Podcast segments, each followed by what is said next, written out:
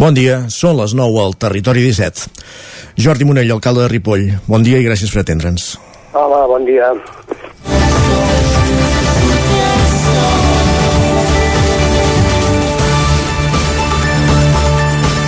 Els Mossos d'Esquadra han detingut aquest dimarts Gerard Passamontes, el jove de Ripoll de 19 anys que hauria mort presumptament la seva mare, Maria Isabel Carpio, de 46 anys, diumenge al matí. Reconstruïm els fets, tot seguit amb l'Isaac Muntades des de la veu de Sant Joan i en parlem a continuació amb l'alcalde de Ripoll, Jordi Monell noi que presumptament va assassinar la seva mare diumenge al matí a Ripoll va ser detingut aquest dilluns a primera hora de la tarda pels Mossos d'Esquadra en una zona boscosa de les Llosses i es troba a la comissaria de la policia catalana de la capital del Ripollès i s'espera que en les pròximes hores passi a disposició judicial. L'assassinat es va produir cap a les 9 del matí de diumenge en un domicili de l'edifici número 27 de l'Avinguda Ripollès de Ripoll, just al costat de la C-17 i ben a prop de la sortida sud de Ripoll. La víctima, Maria Isabel Carpio, de 46 anys, va arribar de treballar, ja que feia el torn de nits a l'empresa Fibrant de Sant Joan de les Abadeses. Tot apunta que la mare es va trobar el seu fill i presumpte parricida, Gerard Passamontes, de 19 anys, amb una mica a la seva habitació i que hi hauria indicis que haurien begut i fumat. A partir d'aquí s'hauria iniciat una discussió i el noi va ferir-la amb una arma blanca. La víctima va poder sortir al replà de l'escala, però Passamontes va perseguir-la i li va clavar una ganivetada al coll per rematar-la. Una escena que l'hauria pogut veure un veí que va trucar a emergències. Els agents de la unitat de seguretat ciutadana es van personar al domicili, però la víctima estava molt mal ferida i els serveis sanitaris del SEM que van atendre-la ja no van poder reanimar-la i va acabar morint allà mateix. Els agents de la Divisió d'Investigació Criminal de la Regió Policial de Girona es van fer càrrec de la investigació i es va activar un dispositiu de recerca per capturar el presumpte homicida i el seu amic. Els ARRO, agents de seguretat ciutadana i fins i tot un helicòpter que va sobrevolar l'entorn de Ripoll van buscar els fugats durant tot el matí sense èxit pel nucli urbà de la població i els boscos del voltant. Més d'un dia després, a primera hora de la tarda del dilluns, en una zona boscosa molt pròxima al restaurant de Can Dax, a les Llosses, uns excursionistes haurien vist els sospitosos creuant pel mig de la carretera que va cap a les Llosses i un cotxe els va aturar. Dos agents dels Mossos es van llançar contra ell fent-lo rodar per un marge i fins i tot els excursionistes van ajudar a emmanillar-lo. Algunes fonts consultades per la veu de Sant Joan confirmen que Gerard Passamontes pagava la seva mare i ja tenia antecedents per maltractament. De fet, algunes vegades no podia anar a la feina o hi anava plorant i plena de blaus. L'assassinat de Maria Isabel Carpio va commocionar la població i aquest dilluns unes 200 persones es van concentrar davant de l'Ajuntament amb la consellera d'Agricultura Teresa Jordà i l'alcalde i diputat Jordi Monell al capdavant. El consistori va decretar aquest dilluns com a dia de l'oficial i es van fer 5 minuts de silenci a les 12 del migdia davant del consistori. Doncs com dèiem, arribats a aquest punt, passen gairebé 3 minuts del punt de les 9, Parlem amb l'alcalde de Ripoll, Jordi Monell. Gràcies per atendre'ns en uns moments de consternació a la vila. Ahir es va decretar dia de, de dol oficial. Sí, efectivament, la vila doncs, el diumenge va ser un dia trist, un dia de consternació i de sorpresa en aquest sentit, i per tant des de l'Ajuntament només podem fer que lamentar aquests tristos fets, eh, transmetre doncs, a la família doncs, tot, el, tot el suport i el, i el condol, i com hem dit, doncs, eh, es va fer doncs, un, es va decretar un dia de dol, i es va fer 5 minuts de silenci, al qual hi van acudir centenars de derivatants de, de Ripoll. No? Per tant, com dèiem, un fet absolutament lamentable. Bon dia, Jordi. Reitero l'agraïment per, per atendre'ns eh, després d'aquests eh, fets tan luctuosos que van passar doncs, aquest diumenge. Diumenge i dilluns, de fet, han estat eh, dos dies molt intensos fins a conèixer que s'havia aconseguit detenir el jove ahir, ahir a la tarda. Els indicis ja apuntaven que no podia ser eh, gaire lluny o, o, temien que, que hagués, o temíeu que hagués fugit eh, més lluny, que s'hagués escapat de la comarca? Bé, en aquest cas això era una investigació que estava en mans dels Mossos d'Esquadra i per tant els Mossos d'Esquadra de seguida van establir diferents hipòtesis i diferents mecanismes de, de control, eh, uns de més propers i uns de més llunyans, no? siguin estacions d'autobusos, estacions de ferrocarril, eh, parades de taxi, i per tant en aquest sentit doncs, eh, hi havia diferents hipòtesis en, en, en perspectiva i la investigació doncs, anava avançant segons doncs, informaven els Mossos d'Esquadra i de ben segur eh, aquesta informació més detallada la podreu confirmar amb el, amb el Departament d'Interior si, si us interessa. Uh -huh. Què en coneixien d'aquesta família? Es parlava d'antecedents d'agressió, eh, que els serveis socials ja eh, tenien la família. Què hi ha de cert en tot plegat? Bé, en qualsevol cas, els serveis socials sí que tenien la família, el que passa que el ventall de serveis que, que presta el Consorci de Serveis Socials del Ripollet és molt gran i, per tant, com pot entendre, jo no li puc detallar exactament quins serveis havien eh, ofert i quins serveis havien demanat doncs, aquesta família. En qualsevol cas, això és una informació doncs, confidencial, hi ha una llei de protecció de dades i, a més a més, doncs, tota aquesta informació serà facilitada en el sumari de la investigació, que està sota secret i, per tant, en aquest sentit, jo no li puc donar cap informació concreta sobre això que em, que em, que em, que em demanen. L'Ajuntament eh, es presentarà com a acusació particular en aquest cas o, o queda ja fora de, del seu abast? Eh, ho dic sobretot per al tema de que també eh, s'havia comentat en una moció que es, eh, es posaria com a acusació particular en delictes d'odi. No sé si en aquest cas, en el cas d'un eh, parricidi, també hi, ha, hi hauria aquesta possibilitat. Bé, doncs en aquest cas hem de comentar-ho amb el conjunt del consistori i amb els serveis jurídics, hi quines eh, possibilitats hi ha des del punt de vista legal de, de formar-ne part i segona, doncs, com dèiem, això es va tractar per temes de delicte d'odi, eh, que aquest no és el cas eh, estrictament i per tant, doncs, eh, això, com dèiem, és un tema que hem de comentar amb el conjunt de membres del consistori.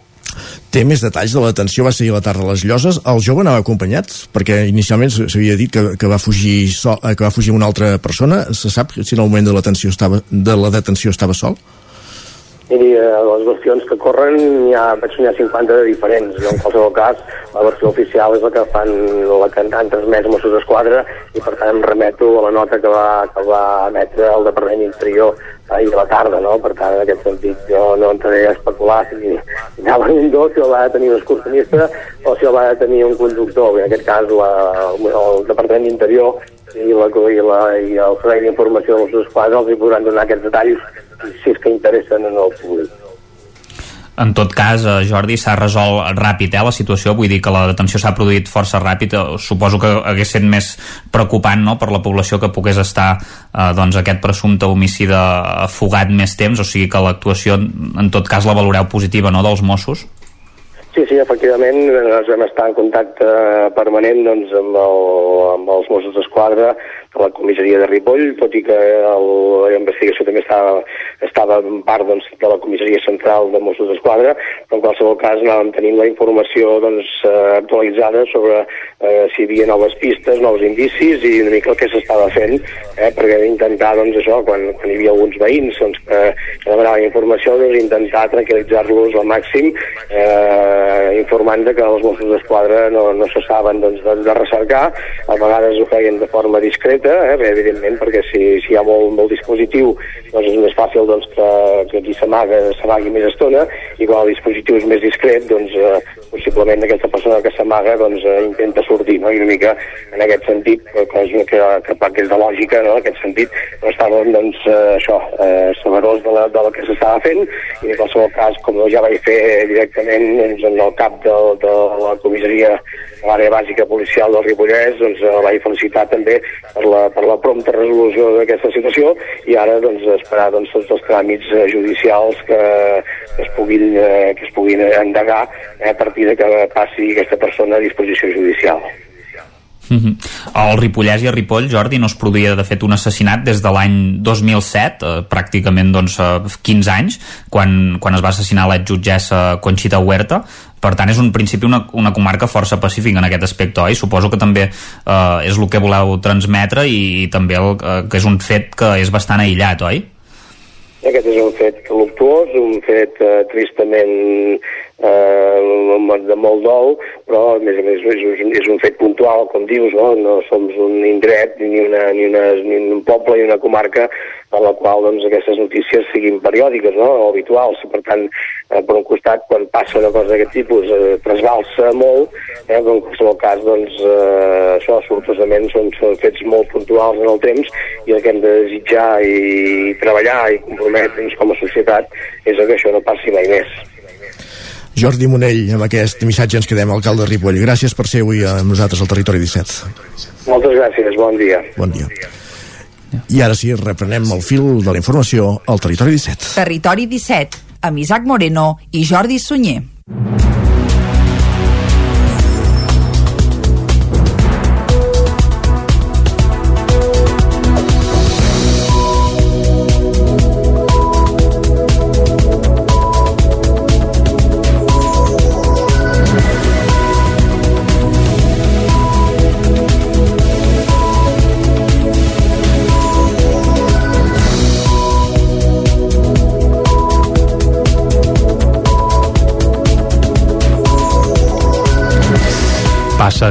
Passen 10 minuts de les 9 del matí d'avui dimarts, dia 2 de novembre de 2021 i ara sí que arrenquem un territori 17 que avui evidentment l'hem arrencat de manera especial parlant d'aquest succés que ha tingut lloc aquest cap de setmana a Ripoll. N'hem parlat amb l'alcalde Jordi Monell per conèixer alguns dels detalls d'aquest terrible succés que, que va succeir aquest cap de setmana, llarg cap de setmana de Tots Sants. I ara, Isaac, el que farem és recuperar la informació i seguir parlant d'altres temàtiques aquí a Territori 17. Doncs vinga, som-hi.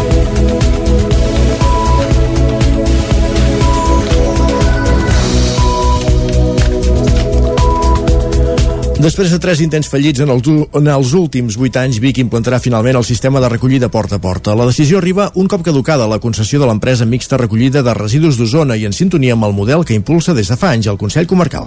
Els barris de Sant Llàtzer i a les quatre estacions i el nucli de Sant Fores la Guixa són les zones de Vic que s'iniciaran en el model de recollida porta a porta. A mitjans de l'any 2023, en aquests tres nuclis s'hi eliminarien els contenidors. Dos anys després, el 2025, el model s'estendria de forma gradual a tot tota la ciutat.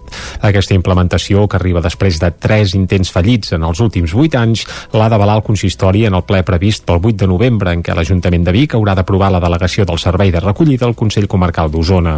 Segons Albert Castells, regidor de Medi Ambient a l'Ajuntament i conseller delegat del cicle de residus al Consell, l'aposta de Vic pel model porta a porta respon a dos motius. El model no és una qüestió d'una ideologia política, sinó que, com deia, són per fets eh, contrastats, que és el que permet un més alt nivell de resultats i caminar cap a aquesta taxa de pagament per eh, generació, que és el que se'ns demana doncs, des de l'Agència de Residus. A Vic, l'any 2020, els residus recollits selectivament van suposar un 58,3%, una xifra que se situa per sobre del mínim del 50% que marca la Unió Europea. Tot i això, en els últims anys s'ha detectat una situació d'estancament. Albert Castells. Des de fa anys la ciutat ha anat millorant els resultats. Aquest any 2020 vam assolir ja el 58% de separació de residus, per tant gairebé el 60% de, de separació de residus i hem de seguir millorant. Estem amb un sistema obert de contenidors, estem arribant al límit de possibilitats de millora, per tant el que aspirem en el, amb els canvis de model dels propers anys és poder assolir percentatges per sobre el 70% i donar compliment, com deia, doncs, aquests uh, requeriments de la Unió Europea per l'any 2025 i 2030. 된다. Amb més de 47.600 habitants, Vic serà dels municipis més grans que aposten per aquest model de recollida. Amb la seva implementació, Osona vol recuperar el lideratge de comarques catalanes amb més recollida selectiva. Un primer lloc que ara és pel Berguedà. I Trolló aposta per un sistema diferent, el del porta a porta. El municipi aplicarà un model innovador de contenidors intel·ligents en totes les fraccions de la recollida selectiva. Es posarà en marxa entre 2023 i 2024 i el consistori treballarà amb la Universitat Politècnica de Catalunya per desenvolupar la tecnologia que ho faci possible. Després de mesos de debat, l'Ajuntament de Torelló ha decidit apostar per un nou sistema de contenidors xipats en totes les fraccions per recollir les deixalles.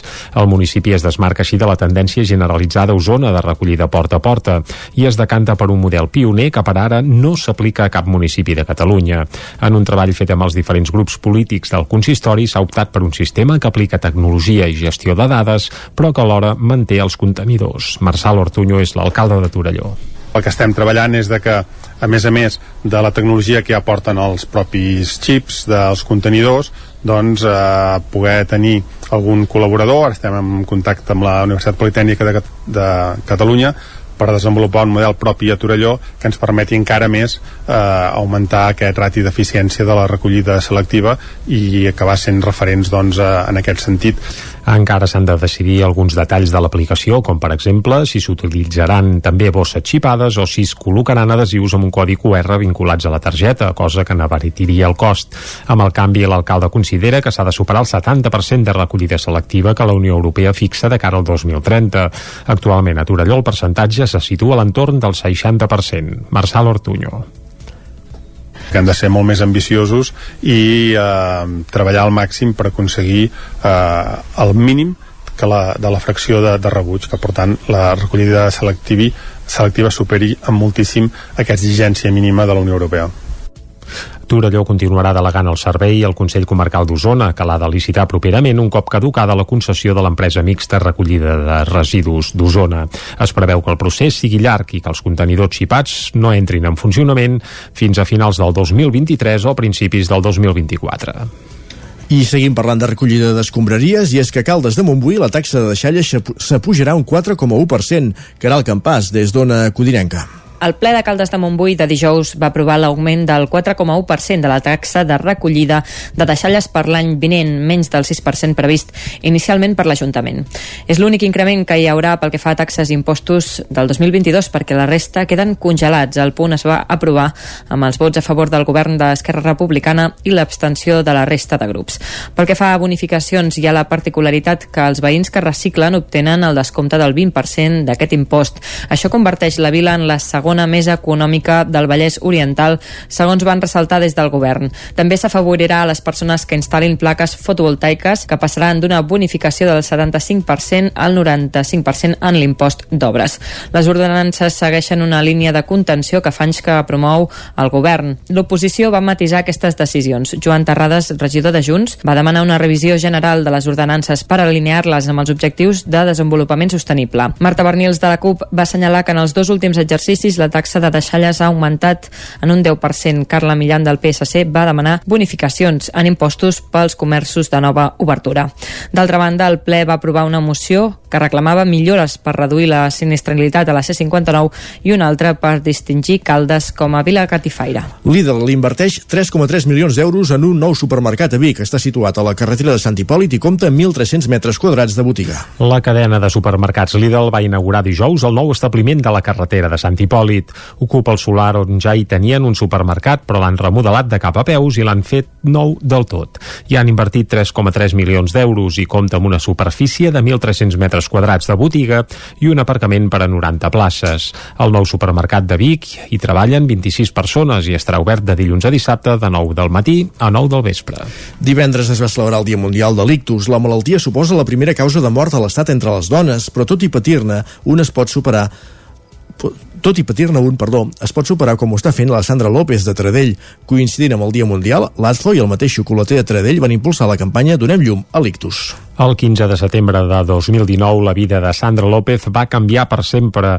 Un mal de cap insuportable quan tornava a casa després de participar en una cursa la va portar a l'Hospital d'Olot, on li van fer el primer tac. Després va venir un periple d'hospitals i proves entre Barcelona i Vic, que va acabar amb un segon tac. Escoltem a Sandra López al comparar la, que vam, el tac que em van fer a l'Olot um,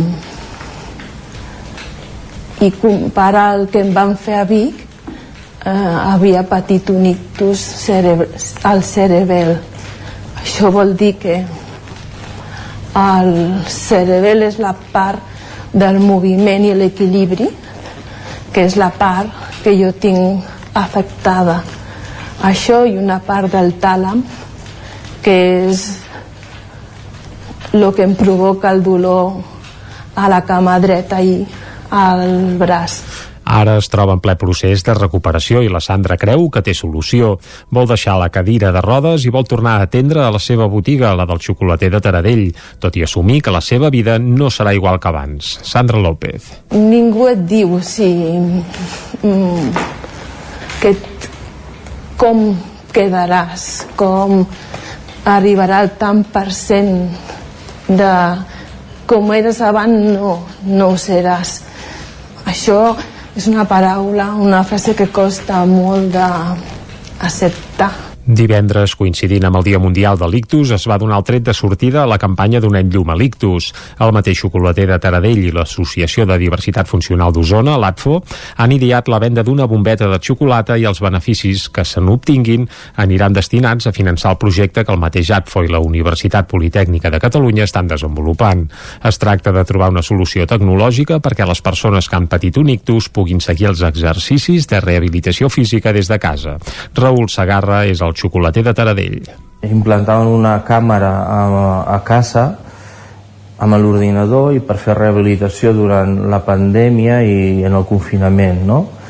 I la veritat és que funciona molt bé i llavors va sortir la idea de crear un producte per poder recaudar cèntims doncs, per, per persones que no poden arribar la bombeta de xocolata conté dos bombons a l'interior i es pot adquirir des de divendres als establiments col·laboradors. Aquest cap de setmana a Cardedeu s'ha celebrat el Festival Cardo Terror. 15 pel·lícules han passat pels cinemes Barjo i també s'han fet entregues de premis com el STAC o el trofeu Audrey dedicat a l'actriu sueca Lonnie Fleming. Lon Fleming. Núria Lázaro, des de Ràdio Televisió de Cardedeu. Una quinzena de pel·lícules de temàtica Halloween han passat aquests quatre dies pel Cardoterror. Pel·lícules més antigues com La mansió de Frankenstein de l'any 1944 o la segona part de The Creep Show de l'any 81. També hi ha hagut pel·lícules, en aquest cas curtmetratges, pels més petits, com Morgan, la Orca Valiente, i pel·lícules actuals d'aquest 2020 i 2021 que només s'han estrenat al Festival de Sitges i que aquest cap de setmana han passat per Cardedeu, com The Prisoners of the Godland i The Boy Behind the Door. Tant dissabte com diumenge el Festival de Terror de Cardedeu ha comptat amb la presència de l'actriu sueca Lon Fleming, protagonista de la pel·lícula La noche del terror ciego, qui ha rebut el Premi Audrey, un trofeu en reconeixement a la seva carrera professional. Recibir un premio por tu trabajo para mí tiene un gran valor, porque quiere decir que la gente a lo largo de los años han apreciado mucho tu trabajo. Y a mí me gusta más este, estos premios que quizás un premio de mejor actriz, porque luego el premio ya se queda ahí, se olvida y luego pues es distinto. Y yo estoy segura que en, en, en muchos trabajos a la gente le gustaría tener un premio por su trabajo. Es muy bonito. I jo m'emociono, eh? Fleming ha sigut també productora, directora i guionista de curtmetratges i pel·lícules. De fet, en un futur té la intenció de poder realitzar les pel·lícules d'alguns guions que ja té escrits. Gràcies, Núria. Acabem aquí aquest repàs informatiu que hem fet des de les 9 i 10 minuts del matí.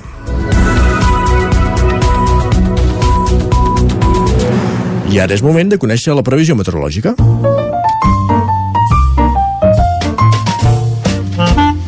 Casa Terradellos us ofereix el temps. I el primer que hem de dir, abans de saludar en Pep Acosta, és reconèixer que aquest cap de setmana la va encertar prou i era complicat, perquè venien tres dies amb moviment i canvis i en Pep la va clavar força, eh? Va. Cadascú el seu. Certament. Ara el saludem. Molt bon dia, Pep. Hola, molt bon dia. I molt bona hora. Què tal esteu? Bé. Espero que hagi anat bé la, la castanyada al Halloween. Bé, o la que castanyada celebreu. bé. Que hagi tingut un gran cap de setmana, que hagi pogut disfrutar de totes les activitats que teníeu previstes.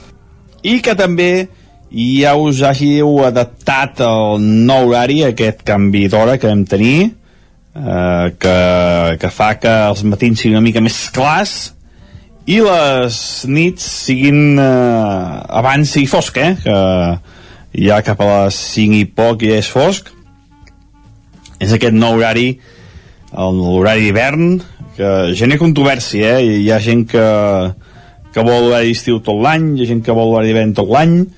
Veurem què acaba passant però en un principi potser aviat no haurem de canviar els rellotges. Veurem, veurem, veurem què acaba passant en els pròxims anys.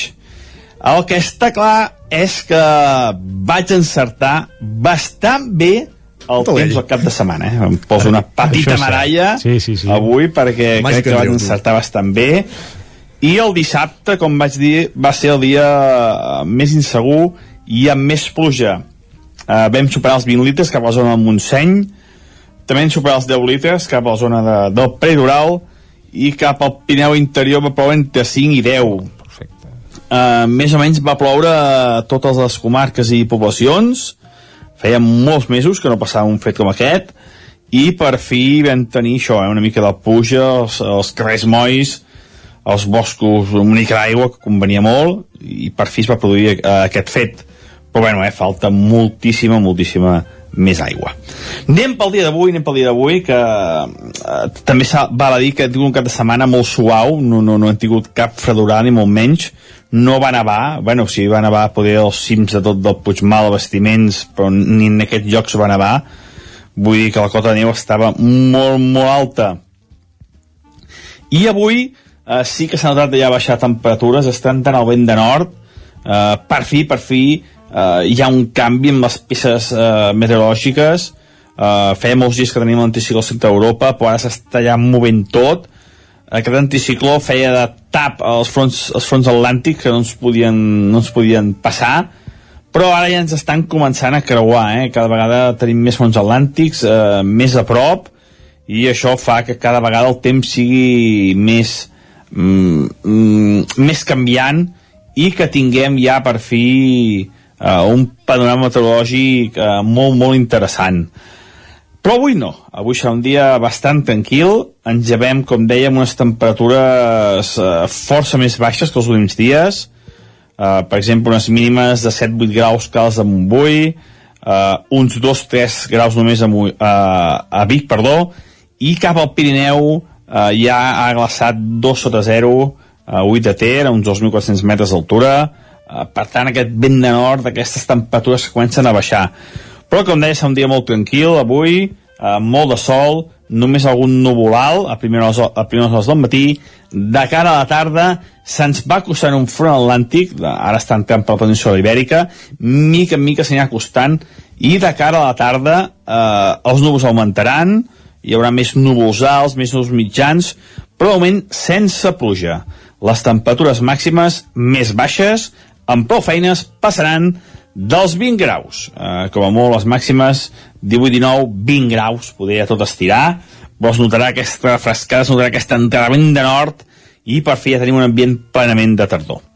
I això és tot, a disfrutar el dia d'avui i atenció perquè demà sí que hi haurà més canvis i de cara al cap de setmana també, eh? sembla que les pluges s'intensificaran, mm. el fred s'intensificarà ja toca. i la cota de neu anirà baixant. Bueno, els pròxims dies ho anirem desvetllant tot plegat. Vinga, molt bon dia, adeu. Bon dia, senyor. Que vagi bé, Pep. Doncs Isaac, serà qüestió de preparar el paraigua de cara a aquests propers dies Aigua, i el cap de setmana, eh? La calefacció, tot.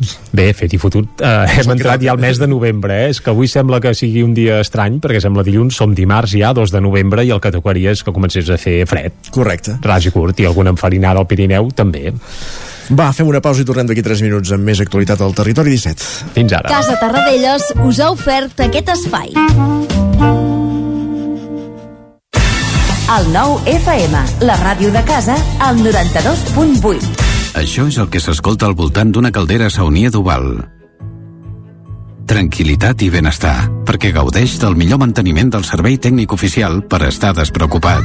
O el que vulgui. Informis a Oficiat Nord trucant al 938860040. Saunia Duval, sempre al seu costat. El racó de León. Gaudeix de la nostra terrassa. Vine a tastar les xuletilles de lechal a la brasa amb una bona amanida o el xuletón de vedella gallega. No et pots perdre el nostre lechado de Castilla al forn o el cochinillo a l'estil de Segovia. Tot acompanyat del millor celler, al menjador o fora la terrassa. Descobreix la millor cuina de Lleó sense moure't de casa. Vine amb la família, els amics, la parella o sol. T'encantarà. El racó de León, cuina tradicional lleonesa i de mercat. Som al carrer Torelló número 35 de Vic. Per reserves, telèfon 93 889 1950. El racó de León, una cuina diferent. Som especialistes en cargols a la llauna. Vine a tastar-los al racó de León. Vine a Autoscola Montseny. Ara és el moment de fer els cursos de teòrica intensius, ràpid i eficaç. T'informarem dels PACs, permís de moto de 16 i 18 anys i permís de cotxe. I si vens a veure'ns, tindràs un obsequi. Apunta't i no t'ho pensis més. Per més informació, Autoscola Montseny, Rambla de Vallades, número 13 de Vic. Busca'ns a Instagram i Facebook. Amb Pradell estalvio energia i cuido la meva butxaca i el medi ambient. Posa't en mans a Pradell, són experts en calderes de gas i condensació, estufes de pèl·let, energia solar, terres radiants i geotèrmia. Pradell instal·la calderes de biomassa per a particulars i per a empreses. Si vols estalviar un 50% en consum, contacta amb Pradell i passa't a les energies renovables. Pradell, som a l'Avinguda Països Catalans 27 de Vic. Telèfon 93 885 1197. Pradell.cat. Rètols 2A. Experts en comunicació visual. Rètols, banderoles, vinils, impressió, plaques gravades, senyalització, display... Rètols Dos Art. Ja són 25 anys al vostre servei. Ens trobareu a la carretera de Vic a Olot, número 7, al polígon Malloles de Vic. dosarvit.com. Telèfon 93 889 2588. Impremta Mater, el servei de particulars i empreses. Fem catàlegs, llibres, papereria corporativa, targetes, fulletons i també venem material d'oficina i escriptori, bolígrafs, arxivadors, grapadores, llibretes i molt més. Mater Impressors des de 1957. Impremta Mater. Ens trobaràs a la carretera de Sant Hipòlit, número 23 de Vic i a la impremtamater.com. Són dos quarts de deu al Territori 17. Territori 17, amb Isaac Moreno i Jordi Sunyer.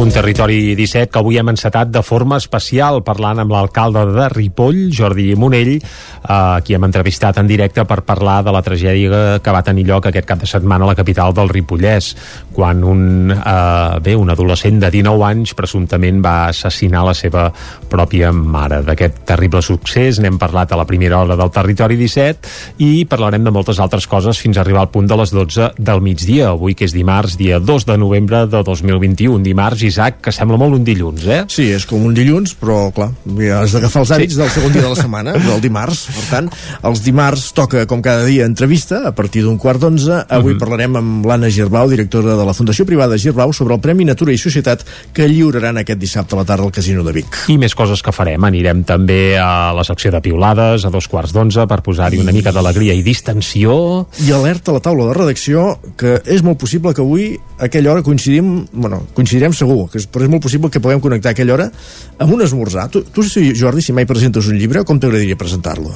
Home, jo més que esmorzant m'agradaria fer-ho vespre, eh? A l'horeta de, de la cerveseta abans de sopar, per doncs n'hi ha que fan, presenten el llibre aquest matí tot esmorzant, i aquests que el presenten el llibre tot el matí és un tal Nando Jovany que ha fet Mm. un llibre de receptes, de receptes del confinament i, i el presenta aquest matí a Can Jovany amb un esmorzar per Doncs tothom, que va. està, que tothom que està convidat a la presentació i mirarem de parlar amb algú que és allà Doncs va, ho procurarem a l'hora de la taula de redacció. Després ens visitarà Manel Dot, que ens farà balanç meteorològic del mes d'octubre que hem deixat enrere. Un mes bastant suau i amb poca pluja, em sembla, però això ens ho confirmarà ell. Correcte. Uh, també tindrem economia, com tots els dimarts, amb el Joan Carles Arredondo, que avui no sé per on aniran els trets, Sí. Isaac. Les dades de l'EPA del tercer trimestre, la reforma laboral, una mica per aquí. I, com sempre, la traca final del territori Alerta avui 17. amb la traca final, eh? Ara, pla, bé, a la Trenc d'Alba anirem a la R3, com sempre, i acabarem amb el racó de pensar, no? Amb la I Maria avui de, López. dedicat al Juego del Calamar, que si busqueu a les xarxes la Maria us ha fet alguna enquesta. Uh, és adequat per de, de determinades edats aquesta sèrie de Netflix? En Mm. parlarem tot de, de tot plegat avui a, al racó de pensar. Jo no en tinc ni idea d'aquesta sèrie. Suposo que el puc engolir igualment, no? El racó de pensar. I els calamars a la romana, també. Aquests, aquests.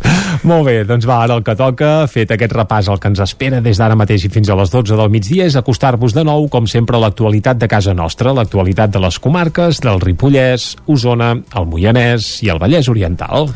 Detingut en una zona boscosa de les Llosses, el noi de 19 anys que presumptament va matar a ganivetades la seva mare a Ripoll. Isaac Muntades, des de la veu de Sant Joan. El noi que presumptament va assassinar la seva mare diumenge al matí a Ripoll va ser detingut aquest dilluns a primera hora de la tarda pels Mossos d'Esquadra en una zona boscosa de les Llosses i es troba a la comissaria de la policia catalana de la capital del Ripollès i s'espera que en les pròximes hores passi a disposició judicial. L'assassinat es va produir cap a les 9 del matí de diumenge en un domicili de l'edifici número 27 de l'Avinguda Ripollès de Ripoll, just al costat de la C-17 i ben a prop de la sortida sud de Ripoll. La víctima, Maria Isabel Carpio, de 46 anys, va arribar de treballar, ja que feia el torn de nits a l'empresa Fibrant de Sant Joan de les Abadeses. Tot apunta que la mare es va trobar el seu fill i presumpte parricida, Gerard Passamontes, de 19 anys, amb un amic a la seva habitació i que hi hauria indicis que haurien begut i fumat. A partir d'aquí s'hauria iniciat una discussió i el noi va ferir-la amb una arma blanca. La víctima va poder sortir al replà de l'escala, però Passamontes va perseguir-la i li va clavar una ganivetada al coll per rematar-la. Una escena que l'hauria pogut veure un veí que va trucar a emergències. Els agents de la Unitat de Seguretat Ciutadana es van personar al domicili, però la víctima estava molt mal ferida i els serveis sanitaris del SEM que van atendre-la ja no van poder reanimar-la i va acabar morint allà mateix. Els agents de la Divisió d'Investigació Criminal de la Regió Policial de Girona es van fer càrrec de la investigació i es va activar un dispositiu de recerca per capturar el presumpte homicida i el seu amic. Els ARRO, agents de seguretat ciutadana i fins i tot un helicòpter que va sobrevolar l'entorn de Ripoll van buscar els fugats durant tot el matí sense èxit pel nucli urbà de la població Mollerussa i els boscos del voltant. Més d'un dia després, a primera hora de la tarda el dilluns, en una zona boscosa molt pròxima al restaurant de Can Dax, a les Llosses, uns excursionistes haurien vist els sospitosos creuant pel mig de la carretera que va cap a les Llosses i un cotxe els va aturar. Dos agents dels Mossos es van llançar contra ell, fent-lo rodar per un marge, i fins i tot els excursionistes van ajudar a emmanillar-lo. Algunes fonts consultades per la veu de Sant Joan confirmen que Gerard Passamontes pagava la seva mare i ja tenia antecedents per maltractament. De fet, algunes vegades no podia anar a la feina o hi anava plorant i plena de blaus. La dona estava separada i només vivia amb el seu fill al domicili. El presumpte parricida s'identificava clarament amb el moviment nazi i en feia ostentació a les xarxes socials. Fins i tot en algun lloc ell mateix es definia com a nazi. També havia estat implicat en alguns robatoris en què s'incluïen sostraccions de plantes de marihuana. L'assassinat de Maria Isabel Carpio va commocionar la població i aquest dilluns unes 200 persones es van concentrar davant de l'Ajuntament amb la consellera d'Agricultura Teresa Jordà i l'alcalde i diputat Jordi Monell al capdavant. El consistori va decretar aquest dilluns com a dia de l'oficial i es van fer 5 minuts de silenci a les 12 del migdia davant del consistori. També es van suspendre tots els actes institucionals de caràcter festiu i les banderes van onejar a mitjà hasta en senyal de dol. L'alcalde va dir que estaven en xoc i la Conselleria d'Igualtat i Feminismes va dir que es tractava d'un presumpte feminicidi en l'àmbit familiar i va activar el protocol de feminicidis per fer-ne seguiment i acompanyar l'entorn de la víctima. La Conselleria es va conjurar per treballar de costat amb l'Ajuntament, els Mossos i el Consorci de Benestar Social del Ripollès per evitar un nou assassinat. Cal dir que l'entitat de Benestar Social va admetre que estava fent un seguiment a la situació d'aquesta família. Dilluns, a les 7 del vespre, també es va fer una concentració feminista organitzada pel col·lectiu La Sarja, que va plegar una vintena de persones i van tallar alguns carrers en una manifestació encapçalada per una pancarta on s'hi podia llegir «Disculpin les molèsties, ens estan assassinant, ens volem vives». Després de tres intents fallits en els, en els últims 8 anys, Vic implantarà finalment el sistema de recollida porta a porta. La decisió arriba un cop caducada la concessió de l'empresa mixta recollida de residus d'Osona i en sintonia amb el model que impulsa des de fa anys el Consell Comarcal. Els barris de Sant Llàtzer i a les quatre estacions i el nucli de Sant Fores la Guixa són les zones de Vic que s'iniciaran en el model de recollida porta a porta. A mitjans de l'any 2023, en aquests tres nuclis s'hi eliminarien els contenidors. Dos anys després, el 2025, el model s'estendria de forma gradual a tota la ciutat. Aquesta implementació, que arriba després de tres intents fallits en els últims vuit anys, l'ha d'avalar el consistori en el ple previst pel 8 de novembre, en què l'Ajuntament de Vic haurà d'aprovar la delegació del servei de recollida al Consell Comarcal d'Osona. Segons Albert Castells, regidor de Medi Ambient a l'Ajuntament i conseller delegat del cicle de residus al Consell, l'aposta de Vic pel model porta a porta respon a dos motius. El model no és una qüestió d'una ideologia política, sinó que, com deia, són eh, per fets eh, contrastats, que és el que permet un uh, més alt nivell de resultats i caminar cap a aquesta taxa de pagament per generació, que és el que se'ns demana doncs, des de l'Agència de Residus. A Vic, l'any 2020, els residus recollits selectivament van suposar un 58,3%, una xifra que se situa per sobre del mínim del 50% que marca la Unió Europea. Tot i això, en els últims anys s'ha detectat una situació d'estancament. Albert Castells. Des de fa anys la ciutat ha anat millorant els resultats. Aquest any 2020 vam assolir el 58% de separació de residus, per tant gairebé el 60% de, de separació de residus i hem de seguir millorant. Estem amb un sistema obert de contenidors, estem arribant al límit de possibilitats de millora, per tant el que aspirem en, el, en els canvis de model dels propers anys és poder assolir percentatges per sobre el 70% i donar compliment, com deia, doncs, aquests uh, requeriments de la Unió Europea per l'any 2025 i 2030. Amb més de 47.600 habitants, Vic serà dels municipis més grans que aposten per aquest model de recollida. Amb la seva implementació, Osona vol recuperar el lideratge de comarques catalanes amb més recollida selectiva. Un primer lloc que ara és pel Berguedà. I Trolló aposta per un sistema diferent al del porta a porta. El municipi aplicarà un model innovador de contenidors intel·ligents en totes les fraccions de la recollida selectiva. Es posarà en marxa entre 2023 i 2024 i el consistori treballarà amb la Universitat Politècnica de Catalunya per desenvolupar la tecnologia que ho faci possible. Després de mesos de debat, l'Ajuntament de Torelló ha decidit apostar per un nou sistema de contenidors xipats en totes les fraccions per recollir les deixalles. El municipi es desmarca així de la tendència generalitzada a Osona de recollida porta a porta i es decanta per un model pioner que per ara no s'aplica a cap municipi de Catalunya. En un treball fet amb els diferents grups polítics del consistori s'ha optat per un sistema que aplica tecnologia i gestió de dades, però que alhora manté els contenidors. Marçal Ortuño és l'alcalde de Torelló el que estem treballant és de que, a més a més de la tecnologia que ja porten els propis xips dels contenidors, doncs eh, poder tenir algun col·laborador, estem en contacte amb la Universitat Politècnica de, de Catalunya, per desenvolupar un model propi a Torelló que ens permeti encara més eh, augmentar aquest rati d'eficiència de la recollida selectiva i acabar sent referents doncs, eh, en aquest sentit. Encara s'han de decidir alguns detalls de l'aplicació, com per exemple si s'utilitzaran també bosses xipades o si es col·locaran adhesius amb un codi QR vinculats a la targeta, cosa que n'abaritiria el cost. Amb el canvi, l'alcalde considera que s'ha de superar el 70% de recollida selectiva que la Unió Europea fixa de cara al 2030. Actualment a Torelló el percentatge se situa a l'entorn del 60%. Marçal Ortuño que han de ser molt més ambiciosos i eh, treballar al màxim per aconseguir eh, el mínim que la, de la fracció de, de rebuig, que per tant la recollida selectiva, selectiva superi amb moltíssim aquesta exigència mínima de la Unió Europea.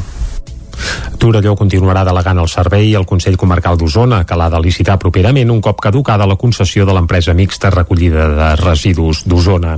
Es preveu que el procés sigui llarg i que els contenidors xipats no entrin en funcionament fins a finals del 2023 o principis del 2024. I seguim parlant de recollida d'escombraries i és que a Caldes de Montbui la taxa de deixalles s'apujarà un 4,1%, que era el campàs des d'Ona Codinenca. El ple de Caldes de Montbui de dijous va aprovar l'augment del 4,1% de la taxa de recollida de deixalles per l'any vinent, menys del 6% previst inicialment per l'Ajuntament. És l'únic increment que hi haurà pel que fa a taxes i impostos del 2022 perquè la resta queden congelats. El punt es va aprovar amb els vots a favor del govern d'Esquerra Republicana i l'abstenció de la resta de grups. Pel que fa a bonificacions, hi ha la particularitat que els veïns que reciclen obtenen el descompte del 20% d'aquest impost. Això converteix la vila en la segona segona més econòmica del Vallès Oriental, segons van ressaltar des del govern. També s'afavorirà a les persones que instal·lin plaques fotovoltaiques que passaran d'una bonificació del 75% al 95% en l'impost d'obres. Les ordenances segueixen una línia de contenció que fa anys que promou el govern. L'oposició va matisar aquestes decisions. Joan Terrades, regidor de Junts, va demanar una revisió general de les ordenances per alinear-les amb els objectius de desenvolupament sostenible. Marta Bernils de la CUP va assenyalar que en els dos últims exercicis la taxa de deixalles ha augmentat en un 10%. Carla Millan del PSC va demanar bonificacions en impostos pels comerços de nova obertura. D'altra banda, el ple va aprovar una moció que reclamava millores per reduir la sinistralitat a la C-59 i una altra per distingir Caldes com a vila catifaire. Lidl inverteix 3,3 milions d'euros en un nou supermercat a Vic. Està situat a la carretera de Sant Hipòlit i compta amb 1.300 metres quadrats de botiga. La cadena de supermercats Lidl va inaugurar dijous el nou establiment de la carretera de Sant Hipòlit Hipòlit. Ocupa el solar on ja hi tenien un supermercat, però l'han remodelat de cap a peus i l'han fet nou del tot. Hi han invertit 3,3 milions d'euros i compta amb una superfície de 1.300 metres quadrats de botiga i un aparcament per a 90 places. Al nou supermercat de Vic hi treballen 26 persones i estarà obert de dilluns a dissabte de 9 del matí a 9 del vespre. Divendres es va celebrar el Dia Mundial de l'Ictus. La malaltia suposa la primera causa de mort a l'estat entre les dones, però tot i patir-ne, un es pot superar tot i patir-ne un, perdó, es pot superar com ho està fent la Sandra López de Tradell. Coincidint amb el Dia Mundial, l'Azlo i el mateix xocolater de Tradell van impulsar la campanya Donem llum a l'ictus. El 15 de setembre de 2019, la vida de Sandra López va canviar per sempre. Un mal de cap insuportable quan tornava a casa després de participar en una cursa la va portar a l'Hospital d'Olot, on li van fer el primer tac. Després va venir un periple d'hospitals i proves entre Barcelona i Vic, que va acabar amb un segon tac. Escoltem a Sandra López al comparar la que vam, el tac que em van fer a l'Olot um, i comparar el que em van fer a Vic uh, havia patit un ictus cerebe al cerebel. Això vol dir que el cerebel és la part del moviment i l'equilibri que és la part que jo tinc afectada això i una part del tàlam que és el que em provoca el dolor a la cama dreta i al braç. Ara es troba en ple procés de recuperació i la Sandra creu que té solució. Vol deixar la cadira de rodes i vol tornar a atendre a la seva botiga, la del xocolater de Taradell, tot i assumir que la seva vida no serà igual que abans. Sandra López. Ningú et diu si mm, que com quedaràs, com arribarà el tant per cent de com eres abans no, no seràs. Això és una paraula, una frase que costa molt de, acceptar Divendres, coincidint amb el Dia Mundial de l'Ictus, es va donar el tret de sortida a la campanya Donem llum a l'Ictus. El mateix xocolater de Taradell i l'Associació de Diversitat Funcional d'Osona, l'ATFO, han ideat la venda d'una bombeta de xocolata i els beneficis que se n'obtinguin aniran destinats a finançar el projecte que el mateix ATFO i la Universitat Politècnica de Catalunya estan desenvolupant. Es tracta de trobar una solució tecnològica perquè les persones que han patit un ictus puguin seguir els exercicis de rehabilitació física des de casa. Raül Sagarra és el xocolater de Taradell. Implantaven una càmera a, a casa amb l'ordinador i per fer rehabilitació durant la pandèmia i en el confinament, no? i la veritat és que funciona molt bé i llavors va sortir la idea de crear un producte per poder recaudar cèntims doncs, per, per persones que no poden arribar la bombeta de xocolata conté dos bombons a l'interior i es pot adquirir des de divendres als establiments col·laboradors. Aquest cap de setmana a Cardedeu s'ha celebrat el Festival Cardo Terror.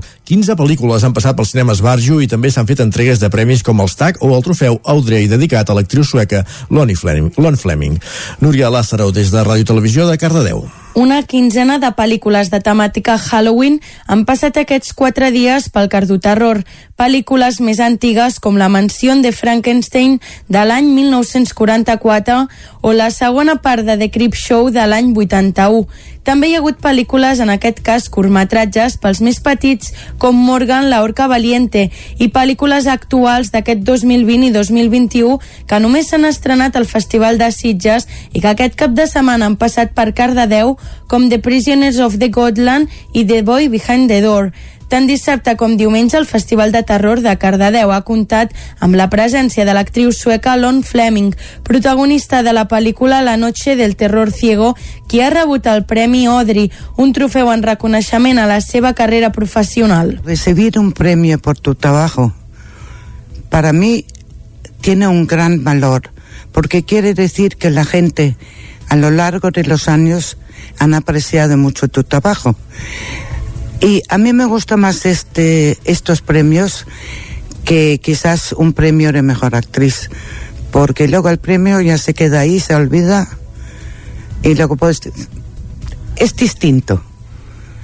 Y, yo estoy segura que en, en muchos trabajos a la gente le gustaría tener un premio por su trabajo. Es muy bonito. I jo m'emociono, eh? Fleming ha sigut també productora, directora i guionista de curtmetratges i pel·lícules. De fet, en un futur té la intenció de poder realitzar les pel·lícules d'alguns guions que ja té escrits. Gràcies, Núria. Acabem aquí aquest repàs informatiu que hem fet des de les 9 i 10 minuts del matí.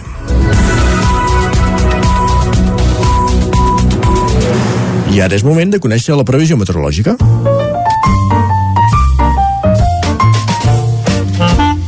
Casa Terradellos us ofereix el temps. I el primer que hem de dir abans de saludar en Pep Acosta és reconèixer que aquest cap de setmana la va encertar prou i era complicat perquè venien tres dies amb moviment i canvis i en Pep la va clavar força, eh? Va. Cadascú el seu. Certament. Ara el saludem. Molt bon dia, Pep. Hola, molt bon dia. I molt bona hora. Què tal esteu? Bé. Espero que hagi anat bé la, la castanyada, el Halloween. Bé, el que castanyada, celebreu. bé. Que hàgiu tingut un gran cap de setmana, que hàgiu pogut disfrutar de totes les activitats que teníeu previstes. I que també ja us hàgiu adaptat al nou horari, aquest canvi d'hora que vam tenir, eh, que, que fa que els matins siguin una mica més clars i les nits siguin eh, abans sigui fosc, eh? que ja cap a les 5 i poc ja és fosc és aquest nou horari l'horari d'hivern que genera controvèrsia eh? hi ha gent que, que vol l'horari d'estiu tot l'any hi ha gent que vol l'horari d'hivern tot l'any. Veurem què acaba passant però en un principi potser aviat no haurem de canviar els rellotges. Veurem, veurem, veurem què acaba passant en els pròxims anys. El que està clar és que vaig encertar bastant bé el temps al cap de setmana, eh? Em poso una petita medalla Sí, sí, sí. avui perquè Màgic crec que vaig encertar bastant bé. I el dissabte, com vaig dir va ser el dia eh, més insegur i amb més pluja. Uh, vam superar els 20 litres cap a la zona del Montseny també vam superar els 10 litres cap a la zona de, del Predoral i cap al Pirineu interior va ploure entre 5 i 10 Perfecte. uh, més o menys va ploure a totes les comarques i poblacions feia molts mesos que no passava un fet com aquest i per fi vam tenir això, eh, una mica de puja els, els carrers molls els boscos, una mica d'aigua que convenia molt i per fi es va produir uh, aquest fet però bueno, eh, falta moltíssima, moltíssima més aigua. Anem pel dia d'avui, anem pel dia d'avui, que eh, també val a dir que hem tingut un cap de setmana molt suau, no, no, no hem tingut cap fredurada ni molt menys, no va nevar, bueno, sí, va nevar poder els cims de tot del Puigmal, vestiments, però ni en aquests llocs va nevar, vull dir que la cota de neu estava molt, molt alta. I avui eh, sí que s'ha notat ja baixar temperatures, estan tant al vent de nord, eh, per fi, per fi, eh, hi ha un canvi en les peces eh, meteorològiques, eh, feia molts dies que tenim l'anticicló al centre d'Europa, però ara s'està ja movent tot, aquest anticicló feia de tap als fronts, als fronts atlàntics que no ens podien, no ens podien passar, però ara ja ens estan començant a creuar, eh? cada vegada tenim més fronts atlàntics, eh, més a prop, i això fa que cada vegada el temps sigui més, mm, mm, més canviant i que tinguem ja per fi eh, un panorama meteorològic eh, molt, molt interessant. Però avui no, avui serà un dia bastant tranquil, ens llevem, com dèiem, unes temperatures eh, força més baixes que els últims dies, eh, per exemple, unes mínimes de 7-8 graus cals a Montbui, eh, uns 2-3 graus només a, Mo- a, Vic, perdó, i cap al Pirineu eh, ja ha glaçat 2 sota 0 a 8 de Ter, a uns 2.400 metres d'altura, eh, per tant aquest vent de nord, aquestes temperatures que comencen a baixar.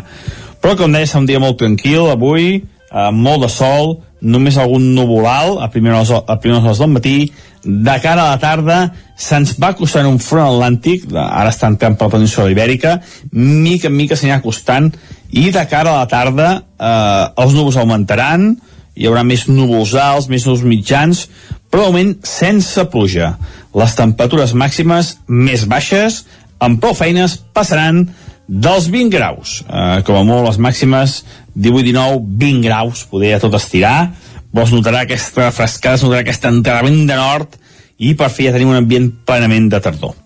I això és tot, a disfrutar el dia d'avui i atenció perquè demà sí que hi haurà més canvis i de cara al cap de setmana també, eh? sembla que les pluges s'intensificaran, mm. el fred s'intensificarà ja toca. i la cota de neu anirà baixant. Bueno, els pròxims dies ho anirem desvetllant tot plegat. Vinga, molt bon dia, adeu. Bon dia, senyor. Que vagi bé, Pep. Doncs, Isaac, serà qüestió de preparar el paraigua de cara a aquests propers dies la i el cap manta, de setmana, eh? La calefacció, tot. Bé, fet i fotut. Uh, hem entrat ja al mes de novembre, eh? És que avui sembla que sigui un dia estrany, perquè sembla dilluns, som dimarts ja, 2 de novembre, i el que tocaria és que comencés a fer fred. Correcte. Ras i curt, i alguna enfarinada al Pirineu, també. Casa Tarradellas us ha ofert aquest espai. Música Doncs va, anem ràpidament al quiosc, 7 minuts i mig perquè siguin les 10, Jordi, que diuen les portades dels diaris d'avui i els nous nous d'ahir. Ah, exacte. Començarem per ahir, dilluns, dia 1 de novembre. El Territori 17 no hi va ser, però el 9-9 sí que es va ser fidel a la seva cita amb els lectors, com cada dilluns, i avui el que farem és fer un cop d'ull al que deia ahir la portada del 9-9. Alguna portada ha quedat un pèl caducada, com per exemple la del 9-9 d'Osona i el Ripollès, que diu els Mossos busquen el fill de la dona trobada morta a ganivetades a Ripoll. Afortunadament el van poder trobar. Ahir mateix n'hem parlat a primera hora avui a Territori 17. També apareix el 9-9 d'Osona i el Ripollès que el, la història del nínxol 14 de Sant Sadurní d'Usur mort. I és que, bé, a ras i curt, eh, resulta que hi ha enterrats a Sant Sadurní d'Usur mort una noia russa que va ser assassinada l'any 2005 està, evidentment, a molts quilòmetres de distància de la seva família, però resulta que en aquest nínxol no li han fallat mai les flors. Cada any hi ha flors noves i bé, una curiositat com una altra, que qui vulgui saber-ne els detalls doncs haurà de capbussar-se al 9-9 d'Osona i el Ripollès. També Trànsit provarà a la C-17 a l'alçada del Pinós una senyalització intel·ligent per evitar accidents. Mm -hmm. Anem al 9-9 del Vallès Oriental, que ahir deia, titulava que el Vallès Oriental ha perdut la meitat de les oficines bancàries en 20 anys. El 2001 operaven du 322 sucursals a la comarca i ara només en queden 169 d'obertes. Aquesta tònica, evidentment, no, no passa només al Vallès Oriental, passa pràcticament a tot arreu, però déu nhi la xifra, eh, la davallada d'entitats bancàries que hi ha hagut al Vallès Oriental en aquests darrers anys. També la fotografia és per un cap de setmana de por, el terror campa a Corró damunt la Llagosta i Sant Pere de Vilamajor, on hi va haver activitats vinculades a la Castanyada i també eh, el nou vingut Halloween que s'està estenent i amb força. També en un racó de la portada del 9-9 del Vallès Oriental hi apareix l'Olga Pei Rufí, una actriu referent del teatre amateur de Granollers que, que bé, que va morir als 83 anys d'edat aquest cap de setmana. Anem ara a les portades d'àmbit nacional. Comencem pel I Ai, remarquem que les portades d'àmbit nacional són d'avui, eh? d'avui dimarts, sí. dia 2 de novembre, el 9-9 eren d'ahir, dia 1 de novembre. Comencem pel punt avui, va. Alternativa local, aquest és el titular principal que apareix al punt avui i fa referència bé a la crisi de subministraments de matèries primeres que hi ha i sembla que moltes empreses comencen a fabricar amb recursos de proximitat, tant com apunta el punt avui. Uh, la fotografia, bé, no hi ha fotografia, però hi ha la reproducció d'uns quants extractes del nou llibre de Jordi Cuixart, que precisament es publica avui, avui arriba a les llibreries, i el titular és Cuixart i el referèndum sense adjectius. És a dir, Cuixart proposa que per sortir de l'atzucac on estem immersos com a país doncs hi hagi un nou referèndum però no s'atreveix a qualificar-lo de vinculant ni res, sense adjectius referèndum a seques i, i bé, i al punt avui apareixen extractes d'aquest nou llibre del Jordi Cuixart que recordem-ho es publica precisament avui. També amb un raconet detenen l'autor del crim de Ripoll això apareix al punt avui. Anem cap a l'ara. Uh -huh. uh, obre cometes i diu ens encaminem a la catàstrofe climàtica. Uh, recordem que des d'ahir mateix doncs, hi ha cimera a Glasgow. Hi ha cimera a Glasgow, durarà 15 dies, per tant durant 15 dies esperem que hi haurà titulars vinculats a la catàstrofe climàtica. La fotografia a l'ara és per l'Open Arms, així és el nou Open Arms, un vaixell uh, molt més gran que el que tenien fins ara, que també ha de servir per salvar vides doncs, al, al Mediterrani. I nervis al Tribunal de Comptes per la renovació de càrrecs. També partit decisiu a la Champions mentre Xavi espera que el club viatgi a Doha. Avui el Barça juga amb el Dinamo de Kiev amb Sergi Barjoan a la banqueta eh? correcte. Xavi encara no arriba. Anem al periòdico ràpidament va. Avui potser no posarem musiqueta eh? ja ho avancem ara sí, arribarem o, o sí, ja o no repassarem les portades espanyoles va, va un professor pederastre va confessar en un diari els seus abusos. Això és el titular principal del periòdico i la fotografia és per Jocs Calamars a Nou Barris. Això del joc del Calamars, que abans ens avançaves que en parlarem al racó de pensar, doncs el periòdico avui dediquen part de la portada. Comunitat coreana que se'n va jugar al camp de la muntanyesa a Jocs del Calamar, però amb un final més menys tràgic. Bé, perfecte. També apareix que Pedro Sánchez promet 1.350 milions d'euros des del 2025 per al fons per combatre el canvi climàtic. Això apareix al periòdic. Anem ràpidament si vols, a l'avantguàrdia. Va, el cotxe és més eficaç que el transport públic a les ciutats d'Espanya. Això és el titular de l'avantguàrdia que fa... Eh, Hi ha dues excepcions. Apologia, sí, no sé. Barcelona i Madrid. Ah, diu, l'anàlisi de la mobilitat a les grans urbs demostra que anar en vehicle privat és més ràpid per la falta d'una oferta pública competitiva. Això no a la lletra petita, potser, com bé dius, Isaac, eh, hi ha excepcions i caldria analitzar-ho, però ens quedem amb el titular, que és aquest. La foto és per Boris Johnson i Macron, que es donen una treva a la crisi climàtica. Això és el que apunta l'avantguàrdia. I de fons, com bé dius, Isaac, ja estem escoltant música, eh, que sí? Sí, senyor. Doncs va, ja ràpidament expliquem què estem escoltant. La cançó es titula La Castanya i és d'un nou projecte de músics veterans ja de l'escena usonenca. Es diuen Guilles Ratafia uh, per tant la inspiració ja podem P intuir per on ve i eh, com que és una cançó vinculada a la castanyada doncs uh, l'escoltem i amb això arribem fins al punt de les 10 sí? Som-hi! Va, vinga, alegria!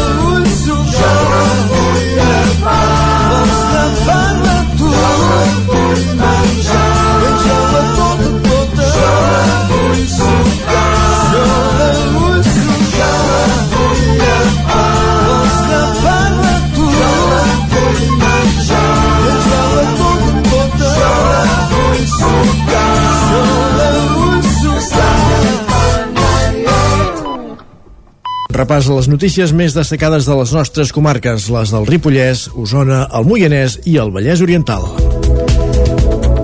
Detingut en una zona boscosa de les Llosses, el noi de 19 anys que presumptament va matar ganivetades la seva mare a Ripoll. Isaac Muntades des de la veu de Sant Joan. El noi que presumptament va assassinar la seva mare diumenge al matí a Ripoll va ser detingut aquest dilluns a primera hora de la tarda pels Mossos d'Esquadra en una zona boscosa de les Llosses i es troba a la comissaria de la policia catalana de la capital del Ripollès i s'espera que en les pròximes hores passi a disposició judicial. L'assassinat es va produir cap a les 9 del matí de diumenge en un domicili de l'edifici número 27 de l'Avinguda Ripollès de Ripoll, just al costat de la C-17 i ben a prop de la sortida sud de Ripoll. La víctima, Maria Isabel Carpio, de 46 anys, va arribar de treballar, ja que feia el torn de nits a l'empresa Fibrant de Sant Joan de les Abadeses. Tot apunta que la mare es va trobar el seu fill i presumpte parricida, Gerard Passamontes, de 19 anys, amb un amic a la seva habitació i que hi hauria indicis que haurien begut i fumat. A partir d'aquí s'hauria iniciat una discussió i el noi va ferir-la amb una arma blanca. La víctima va poder sortir al replà de l'escala, però Passamontes va perseguir-la i li va clavar una ganivetada al coll per rematar-la. Una escena que l'hauria pogut veure un veí que va trucar a emergències. Els agents de la unitat de seguretat ciutadana es van personar al domicili però la víctima estava molt mal ferida i els serveis sanitaris del SEM que van atendre-la ja no van poder reanimar-la i va acabar morint allà mateix. Els agents de la Divisió d'Investigació Criminal de la Regió Policial de Girona es van fer càrrec de la investigació i es va activar un dispositiu de recerca per capturar el presumpte homicida i el seu amic. Els ARRO, agents de seguretat ciutadana i fins i tot un helicòpter que va sobrevolar l'entorn de Ripoll van buscar els fugats durant tot el matí sense èxit pel nucli urbà de la població i els boscos del voltant. Més d'un dia després, a primera hora de la tarda del dilluns, en una zona boscosa molt pròxima al restaurant de Can Dax, a les Llosses, uns excursionistes haurien vist els sospitosos creuant pel mig de la carretera que va cap a les Llosses i un cotxe els va aturar. Dos agents dels Mossos es van llançar contra ell, fent-lo rodar per un marge, i fins i tot els excursionistes van ajudar a emmanillar-lo. Algunes fonts consultades per la veu de Sant Joan confirmen que Gerard Passamontes pagava la seva mare i ja tenia antecedents per maltractament. De fet, algunes vegades no podia anar a la feina o hi anava plorant i plena de blaus. L'assassinat de Maria Isabel Carpio va commocionar la població i aquest dilluns unes 200 persones es van concentrar davant de l'Ajuntament amb la consellera d'Agricultura Teresa Jordà i l'alcalde i diputat Jordi Monell al capdavant. El consistori va decretar aquest dilluns com a dia de l'oficial i es van fer 5 minuts de silenci a les 12 del migdia davant del consistori. Després de congelar les taxes el darrer any per la crisi sanitària, l'Ajuntament de Vic ha aprovat les noves ordenances fiscals amb els vots en, maj en majoria absoluta de Junts. Contemplen una pujada d'alguns dels impostos que recolecta directament el consistori, com l'IBI, que pujarà un 3,8%, o la taxa d'escombraries, que serà un 8% més cara. El darrer ple de Vic també va aprovar els pressupostos pel 2022, dotats amb 57 milions d'euros. El ple de l'Ajuntament de Vic aprovava dijous, en un ple extraordinari, les noves ordenances fiscals amb increments en l'IBI i les taxes d'escombraries. Després d'un any congelades per la pandèmia, l'IBI pujarà un 3,8% i ho faran un percentatge similar també l'IBI industrial, el comercial i el rústic. També pujaran 12 euros la taxa de residus amb una pujada del 8,5%. La resta de taxes es mantindran. Des de l'equip de govern justifiquen l'augment per les millores que tenen previstes en els serveis, ho explica la regidora d'Economia, Núria Oms. Tenim marge doncs, de, de pujar, de fer aquesta puja sostinguda d'aquest impost que, repeteixo, ens dona ingressos val, per continuar treballant per la ciutat. Les ordenances es van aprovar amb la majoria absoluta de Junts. Esquerra, Capgirem Vic i el PSC hi van votar en contra i van criticar que s'augmenti la pressió fiscal en els ciutadans en el context de pandèmia. Escoltem per aquest ordre Josep Lluís Garcia d'Esquerra i a Carme Tena del PSC. Estem, segurament, si no recordo malament, per sota la mitjana catalana, però malgrat això no vol dir que tinguem diguem, la, la, la, la potestat de, de pujar-lo de manera continuada. Vostès ja van fer una puja el primer any d'un 7%, que nosaltres ja vam oposant-nos, l'any passat es va congelar, ara està una puja d'un 3,5, és una mesura més racional que no l'anterior, però diguem, segurament també seria discutible. Si bé sembla que hi ha una millora respecte a l'impacte Covid-19, aquesta millora no està consolidada. Per tant, creiem que per ajudar a millorar aquesta situació, una mesura seria no augmentant la pressió fiscal les ordenances fiscals representen fins a un 58% del pressupost a Vic, que també es va aprovar en la mateixa sessió. Estarà dotat de 57 milions d'euros i preveu un 10% més de recursos per a nous serveis i equipaments com la Biblioteca Pilarín Vallès, la, la subcomissaria de la Guàrdia Urbana o l'espai didàctic robòtic. També preveu 19 noves places de treball municipal. I continuem a l'Ajuntament de Vic i és que el primer tinent d'alcalde, Josep Arimany, ha denunciat públicament ser víctima d'una campanya de calúmnies i amenaces a través de les xarxes socials. Recolzat per tots els membres del plenari municipal de Vic, oposició inclosa, Josep Arimany feia pública la situació dijous passat després d'haver rebut amenaces també contra la seva família. El cas està sent investigat pel jutjat d'instrucció número 33 de Barcelona i es refereix a una desena de vídeos publicats a YouTube per Santiago Royuela, membre d'una polèmica família amb amplis llaços amb la ultradreta i condemnada per diverses irregularitats amb els negocis de subhastes immobiliàries.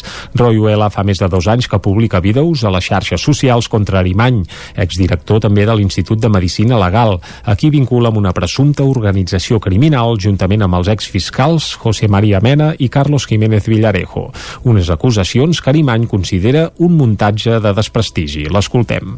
S'han inventat una història falsificant proves de manera ridícula i evident, que consisteix en insistir que els representants de la justícia, coetanis en aquella etapa, formen part d'una organització criminal sense sentit. Jutges, fiscals, alguns polítics i, de forma col·lateral, el director dels forenses de Catalunya l'any 2002.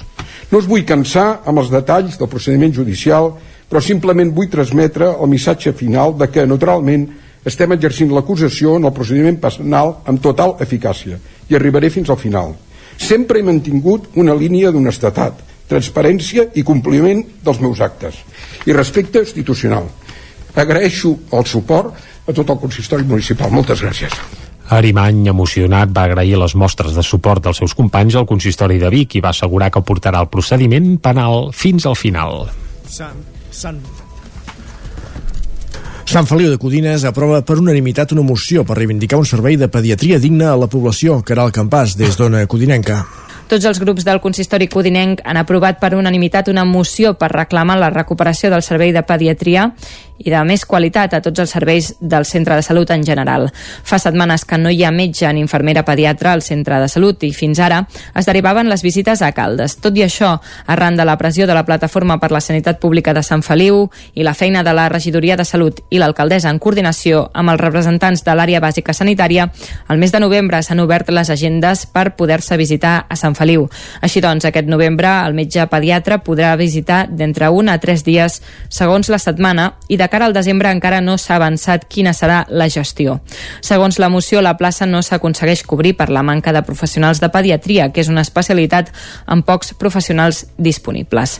Davant la situació, els grups municipals han pres diversos acords a través de la moció. Entre aquests destaca una reunió amb el govern de la Generalitat per trobar solucions. En parlava en aquest sentit Laia Jordana, regidora de Salut. Mm, com vam veure que hi ha una predisposició per tota la corporació i la vam votar tots unànimament, hem considerat i hem valorat eh, insistir amb l'ABS de Caldes perquè continuïn informant-nos de com evolucionarà el servei de pediatria i paral·lelament doncs, estic buscant la manera de contactar amb el conseller Arimon, ai, Argimon eh, per demanar una reunió i bueno, que ens expliqui quins serveis tindrem en el nou CAP i que ens diguin el per què amb 6.500 habitants no podem tenir, per exemple, un quart metge o no podem tenir un servei més ampli i llevadora, ginecologia...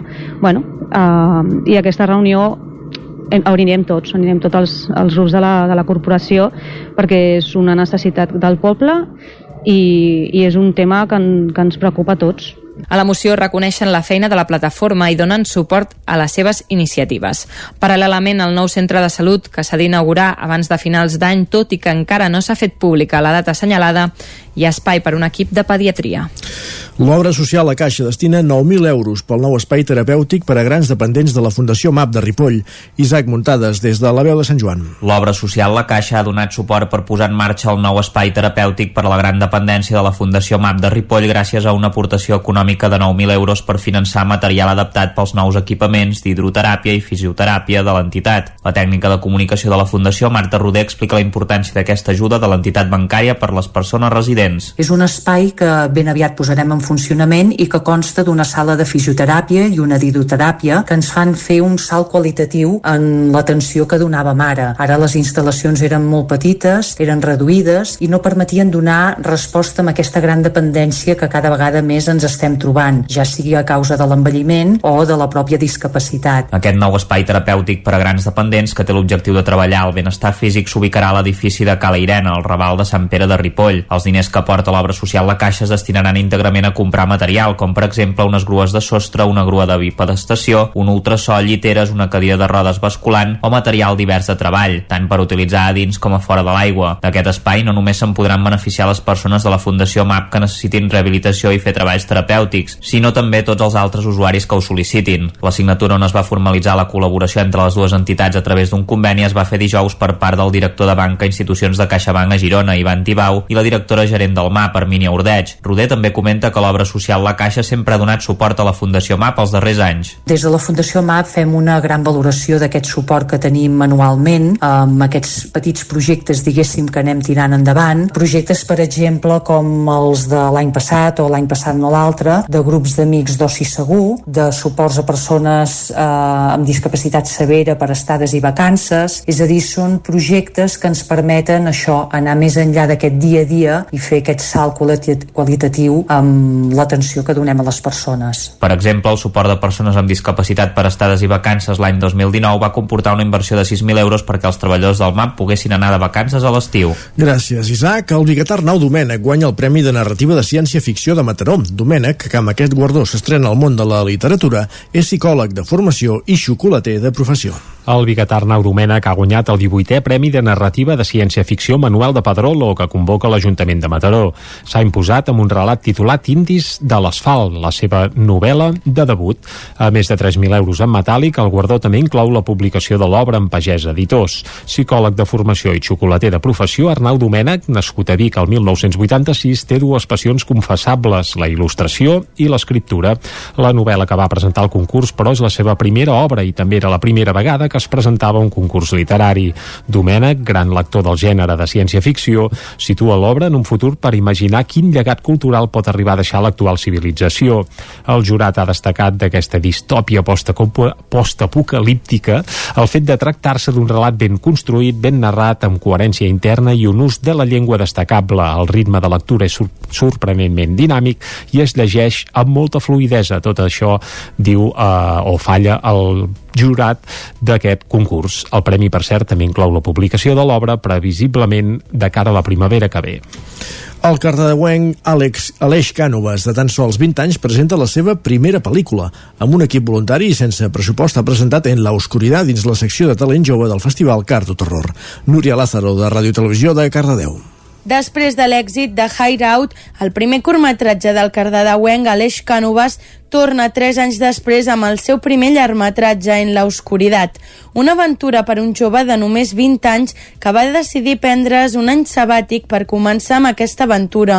Amb l'ajuda d'amics, però alhora professionals del sector, ha pogut presentar al cinema Esbarjo com a preestrena de la pel·lícula En la oscuritat. Aleix Canovas, director. En la oscuritat és una pel·lícula que vam començar a gravar fa uns 3 anys, més o menys, i per mi és molt important perquè era com un dels meus somnis començar a gravar una pel·lícula i, i fer-la. I bueno, estic molt agraït perquè no hagués estat possible sense tota la gent, actrius i tècnics i, i persones tan boges que s'hi van sumar al projecte i van fer realitat un dels meus somnis. I a la vegada ha estat com un aprenentatge molt gran en molts aspectes, però sobretot en l'aspecte de, de com gravar, com editar, com dirigir, ja que no havia estudiat mai això.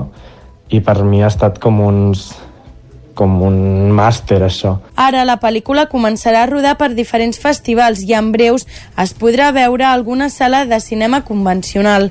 L'Aleix, però, ja ha començat a pensar en la segona part d'En l'Oscuritat. Gràcies, Núria. Falta un minut perquè sigui un quart d'onze. Acabem aquí aquest relat informatiu que hem fet des de les 10 en companyia també de Núria Lázaro, com sentíem, de Caral Campàs, d'Isaac Muntades i de Jordi Sunyer. Anem per la previsió meteorològica. Casa Terradellos us ofereix el temps. I la previsió meteorològica, com sempre, qui ens la costa és en Pep Acosta, que ve força eufòric perquè aquest cap de setmana passat l'ha clavat, però també volem saber el temps que ens espera per les properes hores i els propers dies, perquè sembla que venen canvis i que també s'acosta el fred. El saludem, Isaac. Doncs vinga, Pep, bon dia, eh? Hola, molt bon dia. Molt bon dia, molt bon dia. I avui eh, sí que s'ha notat de ja baixar temperatures, estan mm -hmm. tant al vent de nord, eh, per fi, per fi, eh, hi ha un canvi amb les peces eh, meteorològiques. Uh, feia molts dies que teníem l'anticicló al centre d'Europa però ara s'està ja movent tot. Aquest anticicló feia de tap als fronts, als fronts atlàntics que no ens podien, no ens podien passar. Però ara ja ens estan començant a creuar eh? cada vegada tenim més fronts atlàntics eh, més a prop i això fa que cada vegada el temps sigui més mm, mm, més canviant i que tinguem ja per fi uh, un panorama meteorològic uh, molt, molt interessant.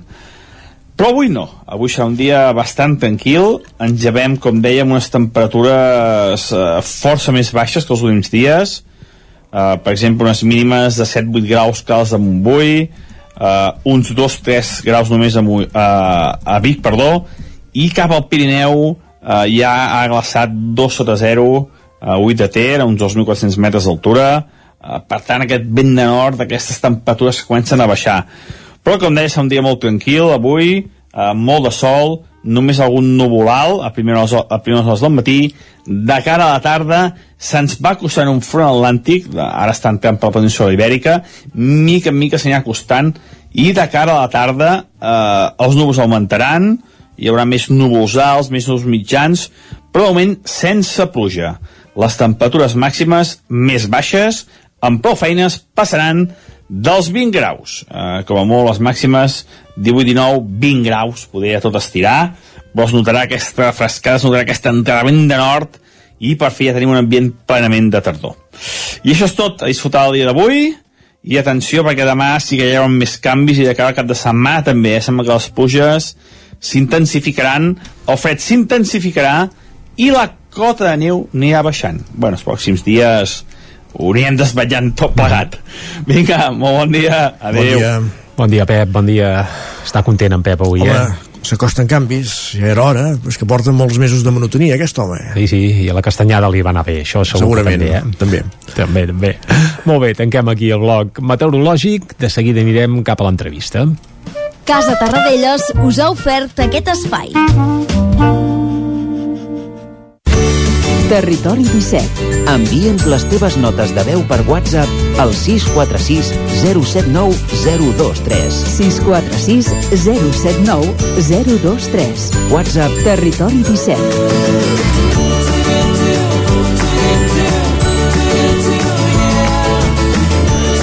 Territori 17. Som a Facebook, Twitter i Instagram amb l'usuari Territori 17.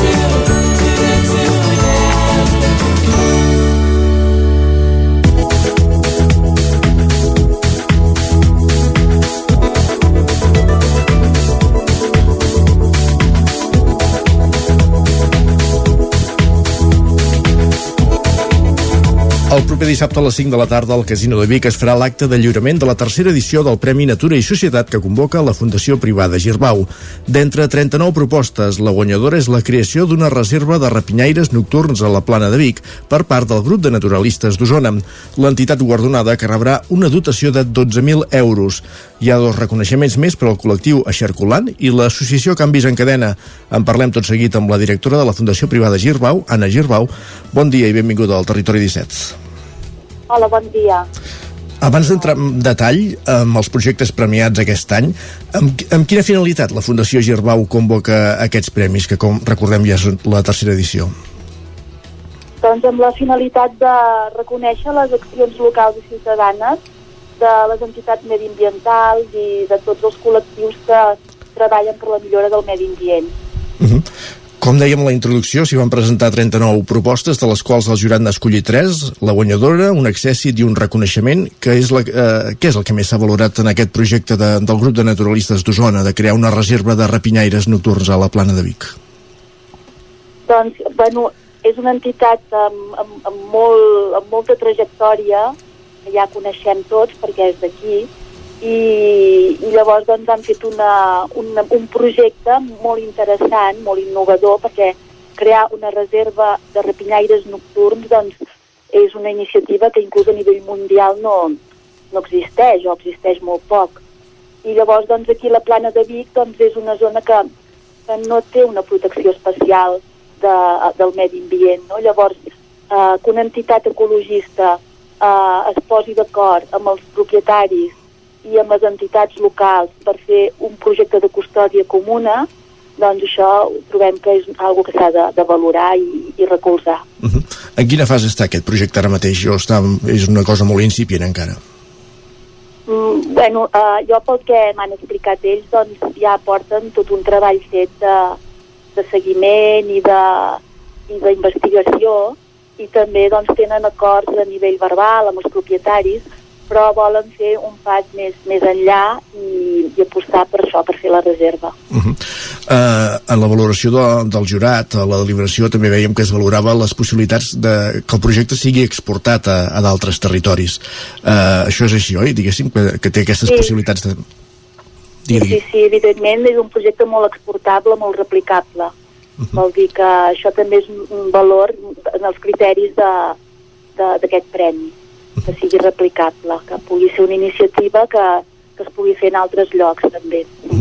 En el cas d'aquí, la comarca d'Osona, la plana de Vic, s'actuarà en una superfície de 1.500 hectàrees, aproximadament on, queda delimitada aquesta, aquest, àmbit d'actuació?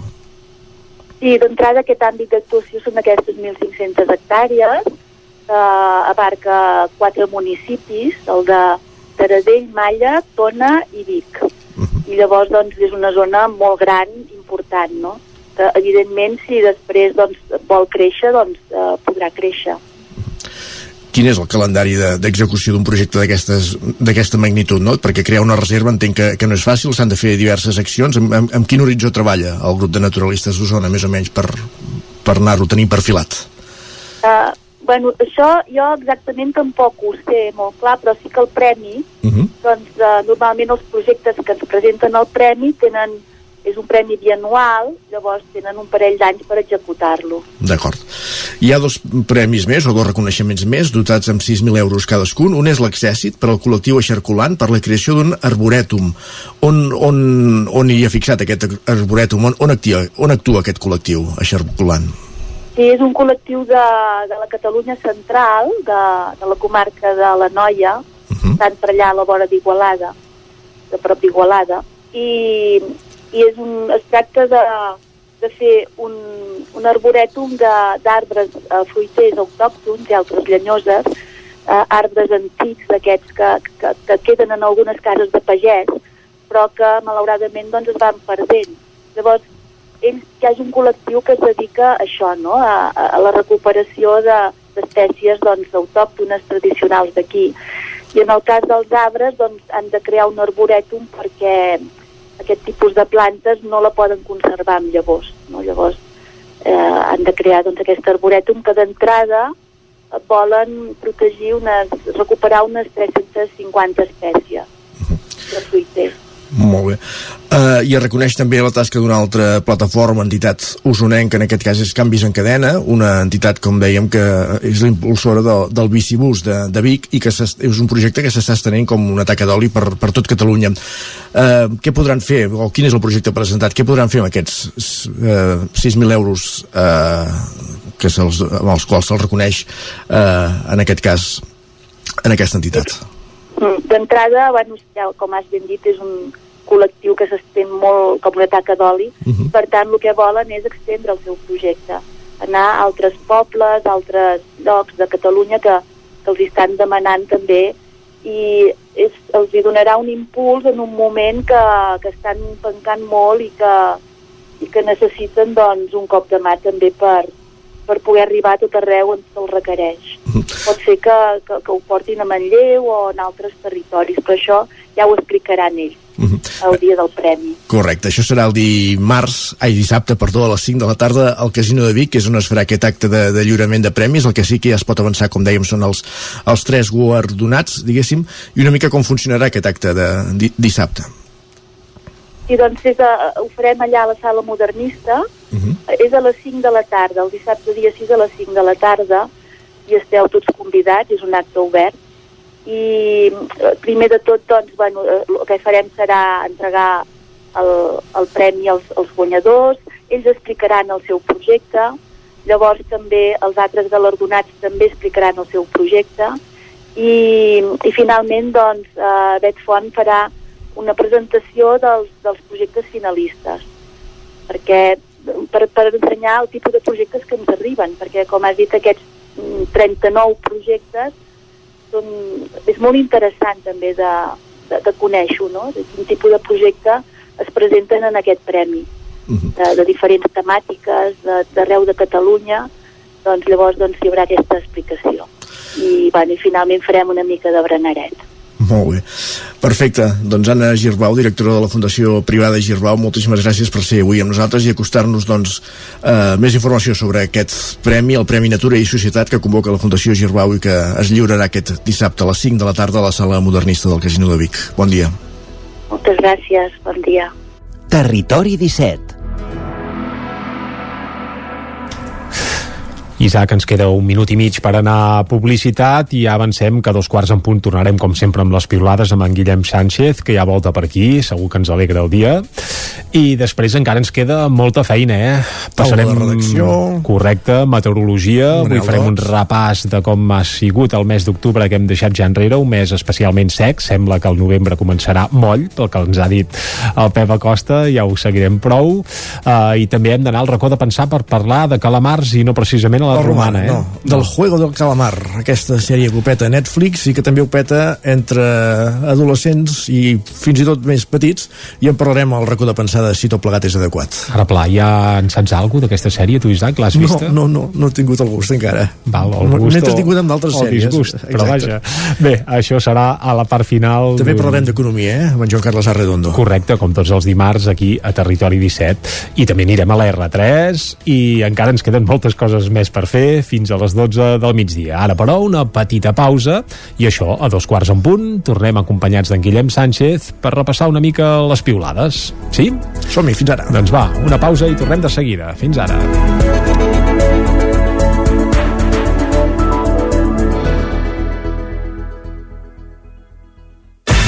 El nou FM, la ràdio de casa, al 92.8.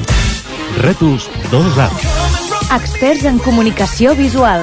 Rètols, banderoles, vinils, impressió, plaques gravades, senyalització, displays... Rètols Dos Art. Ja són 25 anys al vostre servei. Ens trobareu a la carretera de Vic a Olot, número 7, al polígon Malloles de Vic.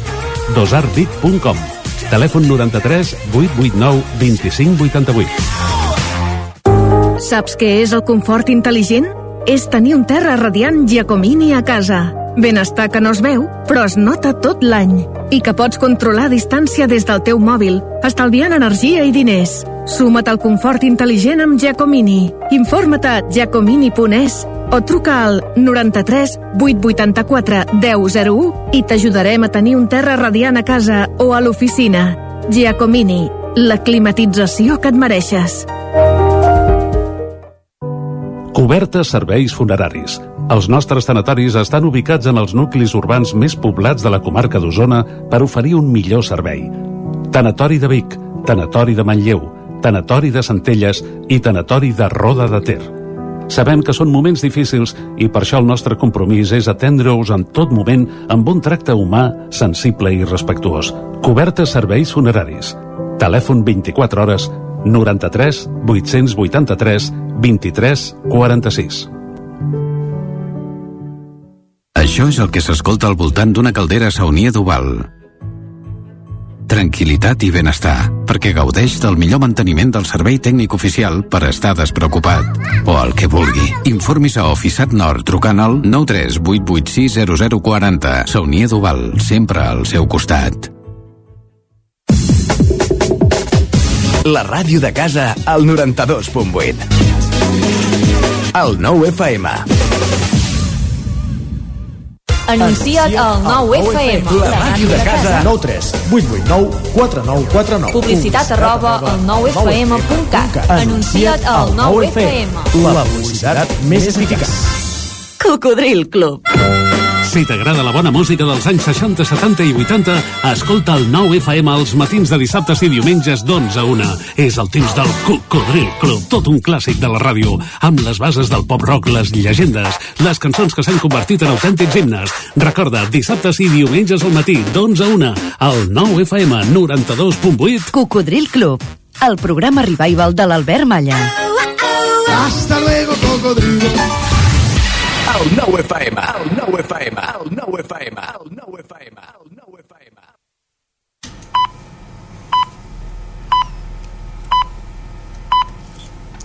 Són dos quarts d'onze. Territori 17.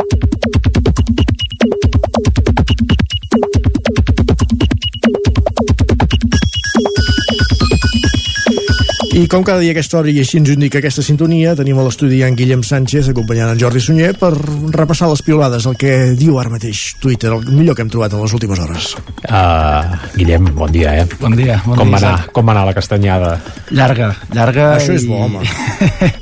i satisfactòriament positiva, per tant, que es pugui repetir l'any que ve amb les mateixes circumstàncies. Carai, doncs va, uh, vinga, amb aquest apunt arrenquem i no sé si parlarem de castanyada o no, però Guillem, per on sí, comencem? Parlem de Castanyada, de Tots Sants. I de fet d'una puntualització que ens feia ahir mateix en Raül que deia recordatori el dia 1 de novembre és Tots Sants, el dia dels morts és demà referint-se avui, dia 2 de novembre. A veure si de cara a l'any que ve ja no cal fer aquest uh, tuit que molta gent a vegades que confon el farem, aquesta... el farem in eternum, aquest tuit. Aquest i cada cop n'haurem de fer més vinculats a la castanyada, fins i tot, eh? Perquè el Halloween està guanyant molt i molt de pes i, i bé, Val a dir que per casa no van passar aquest cop, eh? Doncs bé, a Vilaseca tampoc, però Sant Vicenç de Torelló em puc donar fe que hi va haver una epidèmia directament. De fet, en el, capítol, en el capítol aquest de les puntualitzacions i de llaminadures i de demanar coses, la Mar també ens fa un, un tuit, diu Joan Amades, el costumari català, diu sobre la festa de Tots Sants que el costum de portar flors a les tombes dels difunts per aquesta diada és relativament modern. En canvi, explica que a Lleida els infants anaven per les cases demanant llaminadures per puntualitzar. Ah, per tant, com escolta, dèiem... En el fons, eh, tot és nostrat, doncs va, ja estem més tranquils. Halloween va néixer de Catalunya. Correcte, correcte. I de fet, com dèieu ara, no sé si vosaltres vau trobar que us van passar per casa o no, jo en el meu cas no. Sí que s'hi va trobar l'usuari anomenat Secret que diu ahir em van picar al timbre dos nens amb el truco o trato. Jo els hi vaig dir, què passa? Queremos caramelos. Tinc panellets, no nos gusten. A mi el Halloween tampoc, i ràpid van marxar. Poques coses més terrorífiques van veure aquests nens que la meva simpatia i jo ben orgullosa. Home, uh, on hi hagi un panellet, els caramels, escolta, la paperera, eh? Jo no sé per què no se'ls van endur, eh? també ho he de, m'ho he de demanar. Uh, entre panellets i castanyes, la Mireia també ens fa una altra recomanació gastronòmica, diu, ningú ha provat de fer castanyes recobertes de xocolata? N'havíeu sentit a parlar mai, vosaltres? Jo els panellets sí, les castanyes encara no, eh? No sé, Isaac. No tinc el gust. I de fet la, la Pilar li respon amb una altra recomanació gastronòmica destacada que diu el que jo havia menjat eren marrons glacers recoberts de xocolata. Les castanyes glacejades franceses són castanyes que es couen en almíbar diversos cops, caríssimes perquè es trenquen, però molt bones si són de qualitat, no necessiten xocolata, la veritat. Jo aquesta altra versió tampoc l'havia provat mai, però potser per l'any que ve ens toca provar-ho, ens toca, ens toca provar-ho, correcte. Home, ja dic que és caríssim, això, eh? Les, aquestes glaces deuen ser nivell panellet, vaja. Correcte. I deixant de, deixant de banda l'apartat gastronòmic, l'Albert té clar que prefereix els caps de setmana ben llargs. Diu, soc partidari dels caps de setmana de 3 dies i que el tercer dia caigui en dilluns. Així el primer dia de la setmana laboral pots dir allò de, bueno, demà passat ja és dijous. Millor que no pas demà passat encara és dimecres. Va, aquest m'hi apunto. Aquest t'hi apuntes? I de fet també aquest cap de setmana hem estrenat aquest nou horari d'hivern i gent com en Carles tenen clar que ja s'hi quedarien. Diu, digueu el que vulgueu, però ens hauríem de quedar definitivament amb aquest horari d'hivern on a les 7 del matí ja torna a ser clar. Uh, la veritat és que els que ens llevem una mica d'hora agraïm que, que ja sigui clar quan ens llevem això la setmana passada no passava ens llevàvem i era ben fosc per tant jo també sóc partidari que no es mogui més aquest horari que ens quedem al d'hivern que és el que s'acosta més a l'hora del sol per cert Tot i que si és així, llavors, Jordi, potser ens poden passar coses com les que escriu l'Alba, que diu... Què li passa a l'Alba? Doncs resulta que l'hora del meu rellotge no estava canviada i el meu fill i jo ja hem sopat. Diu, eren les 18.55. I quin gustasso, no, poder-ho fer a aquesta Home, hora, també. uh, veus, a l'Alba segur que li arriba abans l'Alba ara anava a fer un joc de paraules dolent amb el Sí, no, nom, ja però- l'hem vist, l'hem vist, l'heu l'hem- vist, l'hem eh? venir, sí. Uh, aquest cap de setmana segurament també van ser dies de, de sofà, de manta, de pel·lícula i l'Arnau Tordera en deixava constància de la, aquesta situació, diu 1 de novembre i Antena 3 ja està fent una pel·lícula de Nadal per tant encara Ostres, ens la queda Mangolí, l'Arnau, hauria d'estar preparant el nou disc d'Obeses, que, que Això, dirà feina. es va agafar un break, es va agafar un Ah, break i potser bé, va... potser va... no va veure. I mentrestant la Sònia encara va molt més enllà, diu, ara hem d'avançar-nos a tot. Nadal, ui sí, jo el que vull és que ja arribin els calçots. I aquest tuit encara... De calçots d'aquí 15 dies ja n'hi haurà, eh? Arriben I, abans de Nadal, ara ja. I, de fet, ja té resposta d'un altre usuari que li diu al cap de setmana passat jo ja em vaig menjar i els havíem ah. vist encara la setmana anterior. Ens van sobtar veure'ls, però tant d'hora. Caram, tot uh, arriba abans, tot arriba tot menys el fred, menys el fred, tot arriba abans ara. I sobretot si la casa, la, vaja, tant és, la butxaca sona, ja ens entenem. Uh, Guillem, no has menjat calçots encara, eh? No, encara no. Va, doncs que Els haurem d'anar a buscar. Va. Repassem portades digitals, Vinga, Jordi, gràcies. Ràpidament, anem a fer un cop d'ull al 99.cat. Comencem per l'edició d'Osona i el Ripollès, que titula Detingut el presumpte autor de l'homicidi de Ripoll. Aquest és el titular principal que hi ha ara mateix a la portada del 99 d'Osona i el Ripollès, on també hi apareix que el Senat espanyol insta a divulgar la figura del biguetà Antoni de Montserrat, que era aquell xicot que a l'època medieval se'n va anar d'excursió fins al Tibet i va fer un mapa Veus? i tot del que hi veia allà. Uh, la figura d'aquest xicot és espectacular eh? i és veritat que, que no es coneix gaire i estaria bé que se'n fes més difusió. Anem cap al Vallès Oriental a l'edició del 99.cat ara mateix obre explicant que el bus pararà al cementiri de la Roca del Vallès era una demanda del veïnat i sembla que finalment, doncs sí, l'autobús hi pararà. També la Biblioteca de Can Butjosa, de Parets del Vallès, obre l'any Rondalles i que mor als 86 anys Josep Antoni González Casanova, catedràtic i advocat molt vinculat a Sant Feliu de Codines. Amb això tanquem el repàs de les portades del 99.cat d'ara mateix. Gràcies, Jordi. Fem una parada per anar a la taula de redacció.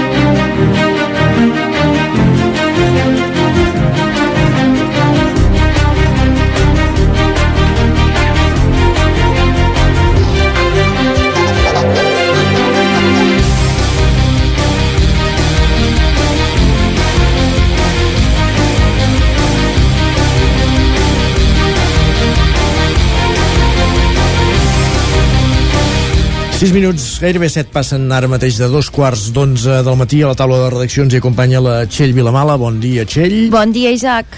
Per parlar de reforma horària. Aquest cap de setmana hi ha hagut el canvi d'hora, però quan parlem de reforma horària és una cosa més profunda, que és el fet aquest de canviar horaris, no? diguéssim, per millorar la conciliació, per no fer eh, per no estar actius tantes hores, diguéssim, etc etc etc etc, que és una cosa que sempre tenim en ment, que fins i tot el govern l'any 2016-17 va fer un pla pilot, però sembla que ara mateix el més calent és la higuera.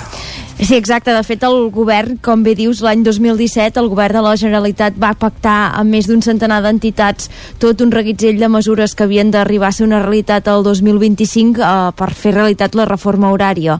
Entre aquestes mesures hi havia des de típiques com allò de compactar les jornades laborals per passar menys temps a la feina o almenys passar-hi al mateix temps però de manera seguida, avançar els àpats perquè ens aproximem més als de la resta del continent europeu o fins i tot eliminar els programes infantils en horari nocturn eh, i fer les activitats extraescolars més d'hora. Això, com diem, ho van pactar l'any 2017, eh, ha de ser una realitat el 2025, passa que les mesures s'havien d'anar implantant progressivament i és veritat que en aquests primers 4 anys, eh, com bé deies Isaac, sembla que el més calent és a la higuera eh, perquè no s'ha acabat de prémer l'accelerador. Eh, per exemple, en el cas d'Osona eh, tenim Prats de Lluçanès, que l'any 2016 va ser capital de la reforma horària. No sé si us recordareu, però durant una setmana eh, s'hi van fer tot tipus de activitats. Les principals eren que els, els restaurants i també els comerços tancaven molt més d'hora, tots es van posar d'acord perquè fos així, i llavors la Generalitat també explicava que s'havia eh, parlat de fer una prova pilot per racionalitzar els horaris a l'Institut, a l'Institut de Prats. Eh, tot això ha passat els anys, han passat 5 anys, ha quedat en no res, i també tenim el cas aquí Vic eh, de negocis com la xarcuteria solar, per exemple, eh, que ells ja fa 3 anys que baixen la persiana a les 7 de la tarda, però tot i això continuen sent raravis, més l'excepció que no pas la regla tot i que sí que és veritat, i això s'ha de reconèixer, que han obert camí, perquè ara al carrer dels Argenters també hi ha la bacallaneria Creus que comença a fer el mateix, o al carrer Nou, per exemple, tenim dos Center, que és de material informàtic, que també ha pujat aquest carro de la reforma horària, però és veritat que encara són notícies, eh, són notícia perquè, com diem, són més l'excepció que no pas la regla. Aquests últims dies el debat sobre la reforma ha tornat a revifar amb força coincidint amb el canvi d'hora. Eh, aquest cap de setmana hem passat el rellotges de les 3 a les 2, una hora menys, ens hem endarrerit, uh, i això ha tornat a posar sobre la taula què cal fer amb la reforma horària. La Generalitat s'ha tornat a posicionar de manera molt clara amb aquest horitzó del 2025 per haver-la implantat. De fet, uh, sentíem tant el president Pere Aragonès com la consellera Tània Verge d'Igualtat i Feminismes dient que no hi ha més opció, però els dubtes que ens, ens plantegen a nosaltres és com s'acabarà fent. Uh, D'arguments per abraçar el canvi, abraçar la reforma horària, n'hi ha moltíssims. Uh, vam poder parlar en el marc d'un reportatge que publicàvem la setmana passada, divendres passat al 9-9, amb la directora general de Cures, Organització del Temps i Equitat en els Treballs de la Generalitat, la, la Núria Vergés, uh, que per cert, a punt que ara no ve el cas, però és la germana de l'exconsellera de Salut Alba Vergés, uh -huh. uh, és curiositat d'Esquerra Republicana i ella ens explicava eh, que som la, de tot el continent europeu som la població més estressada per la dificultat de conciliar horari laboral amb horari familiar però llavors es dona la, para la paradoxa que tampoc estem entre les societats més productives. Això vol dir que passem molt temps a la feina eh, però aquest temps no sempre és de qualitat és a dir, que és més presencialisme que productivitat.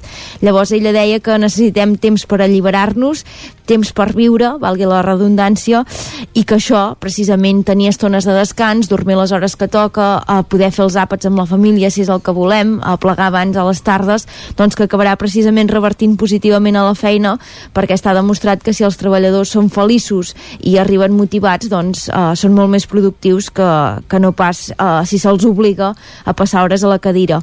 Eh, llavors també buscàvem l'origen eh, de per què Espanya va tard, no? Ens preguntàvem si el tòpic aquest del tarannà mediterrani està una mica desgastat perquè de fet eh, si ens comparem a nosaltres mateixos amb França o és igual, eh, amb el Marroc, Turquia o fins i tot Grècia continuem veient que encara anem més tard i sobretot anem més tard a mesura que va avançant el dia no? Uh, és habitual aquí es pot arribar a sopar a les 10 quarts d'11 un dia normal i sembla que no passi res llavors nosaltres recuperàvem una entrevista que vam fer ja fa un temps amb l'exdiputat de Junts pel Sí Fabián Moedano que era la cara visible de la reforma horària a Catalunya ara fa 4 anys que ens explicava que l'origen, diguem, d'aquesta disfunció s'hauria de buscar en els anys eh, 60 quan la gent va començar a tenir més d'un contracte laboral a l'hora per arribar a final de mes i on es van començar a premiar les hores extres. Llavors, eh, per exemple, eh, ens deia ell, si a Alemanya eh, el discurs era tens 8 hores per fer 200 cotxes i si ho fas bé et pagarem millor, aquí a Espanya ens deien eh, això mateix.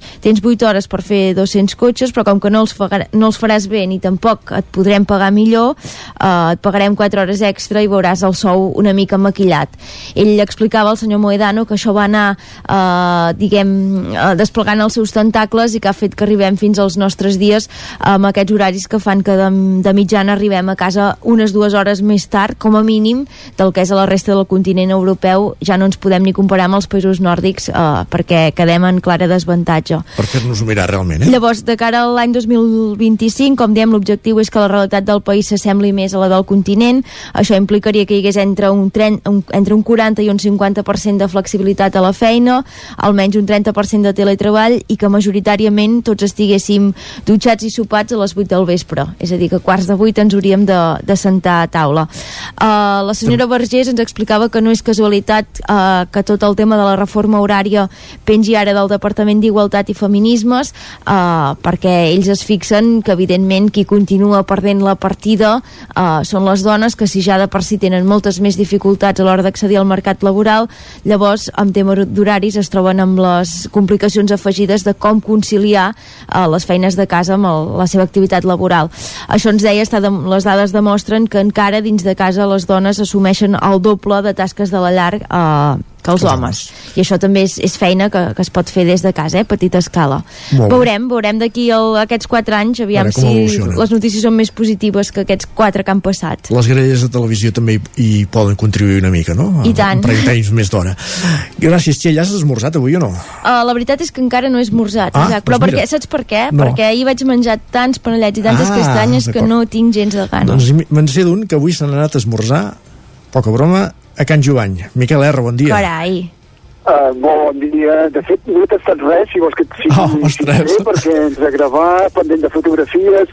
Ara estem aquí al mig i m'aparto una mica perquè hi han convidats, hi ha una trentena de persones, algunes cares conegudes, Pilarín Vallès, Àlex Cribiller... Uh, no sé si em sentiu bé. Perfectament. Però sí? si no hi has anat a esmorzar, què has anat a fer, Can Jovany? Què, què hi passa ara mateix? Què hi passa ara mateix aquí? Correcte. Doncs estan presentant el llibre de receptes que ha escrit Nandi Jovany, que ha il·lustrat el seu fill, l'Eudal, un projecte familiar. No, és- no és pròpiament un llibre de receptes, sinó que són específicament les receptes que ell cuinava amb aquells, eh, tots ho recordaran, aquells vídeos que va fer durant el confinament. Eh, per tant, són una vuitantena de receptes que cuinaven en directe pel públic, una mica eh, que, que es van fer molt virals en aquell, en aquell moment, ell diu receptes fàcils, eh, es tracta de posar-nos-hi a veure, a veure què tal, però són això, no, no és per tant allò un resum de receptes de, del que seria Can Jovany, sinó pròpiament els que anaven mig improvisant durant el aquests dos mesos de, de, de confinament estricte. Uh -huh. I com deies això, hi ha molts VIPs avui aquí a la presentació d'aquest llibre? Avui tenim això, eh, sobretot amics, cuiners amics, eh, de, de coneguts, això havia el, el pilot Àlex Cribiller o la Pilarín Vallès mateix, que ens comentava una mica, doncs, eh, les virtuts del fill, no?, que eh, sembla que a banda d'ajudar-los a la cuina de tant en tant, també eh, ha fet que està fent carrera, diguéssim, artística, i, i, i la veritat uns dibuixos amb, amb, amb molta qualitat, molt, molt originals, i així amb un punt molt simpàtics, que sé que, que sí que permeten també resseguir una mica totes les receptes en forma de, de vinyeta, no? Per tant, un llibre molt original, recordem un llibre de 400 pàgines, déu nhi i ara, evidentment, eh, la presentació l'ha acompanyada també amb alguns dels plats que, que surten al llibre, per tant, si la gent està eh, això, a aquesta hora del matí, una mica fresc, ha sortit el sol, però fent una copa de cava o una copa de vi acompanyant aquests plats. Molt bé. I algun, ens en pots posar algun exemple d'aquestes receptes, d'algun d'aquests plats que hi ha aquest, entre aquestes 400 pàgines del llibre? Eh, doncs mira, si aconsegueixo arribar a un dels llibres, en podré donar, però per exemple, eh, mongetes del ganxet, eh, per mongetes del ganxet que feia, eh, amb, que es feia les feia, no?, amb remull, eh, a veure si trobo més receptes, és que m'han pres el llibre de les mans, Ah, caram. Eh, però salsa romesco, O sigui, cu cuina... el, el pollastre amb peres que feia habitualment, cuixes de cabrit, ara me, me les van, me les van ensenyar tot, el bacallà de la tieta Mercè, per tant, serien sobretot cuina molt, molt tradicional, eh, d'aquesta que tenia també en funció de, de, del que tenia en aquell moment, a més a més al llibre hi ha, hi ha un hi ha el codi QR per, per anar directament al vídeo del moment aquell que, que també va penjar el vídeo, per tant això, cuina sobretot de cuina molt tradicional, no tant la cuina poder més, un punt més sofisticada que podríem menjar a Can Jovany. Molt bé. Doncs gràcies, Miquel, per aquest apunt des de Can Jovany, on avui el cuiner Nando Jovany presenta aquest, aquest llibre de receptes, de les receptes del confinament. Perfecte, fins ara. Fins ara, bon dia.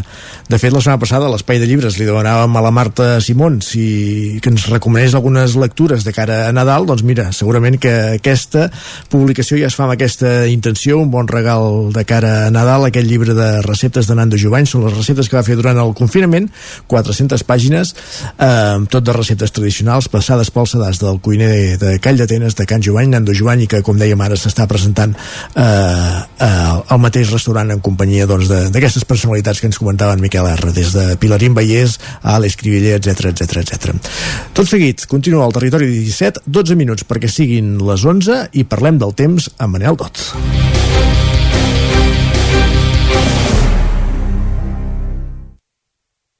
Territori 17.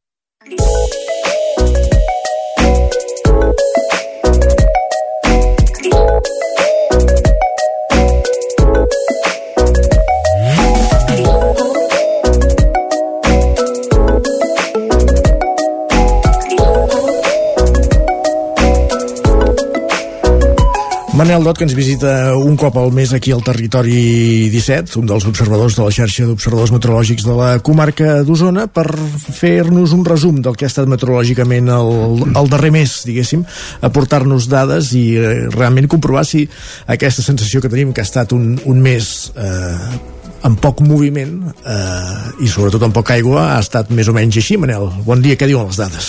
Hola, bon dia. Doncs bé, exactament el que dius. Ha estat eh, poc moviment, moviment al principi i moviment al final, no?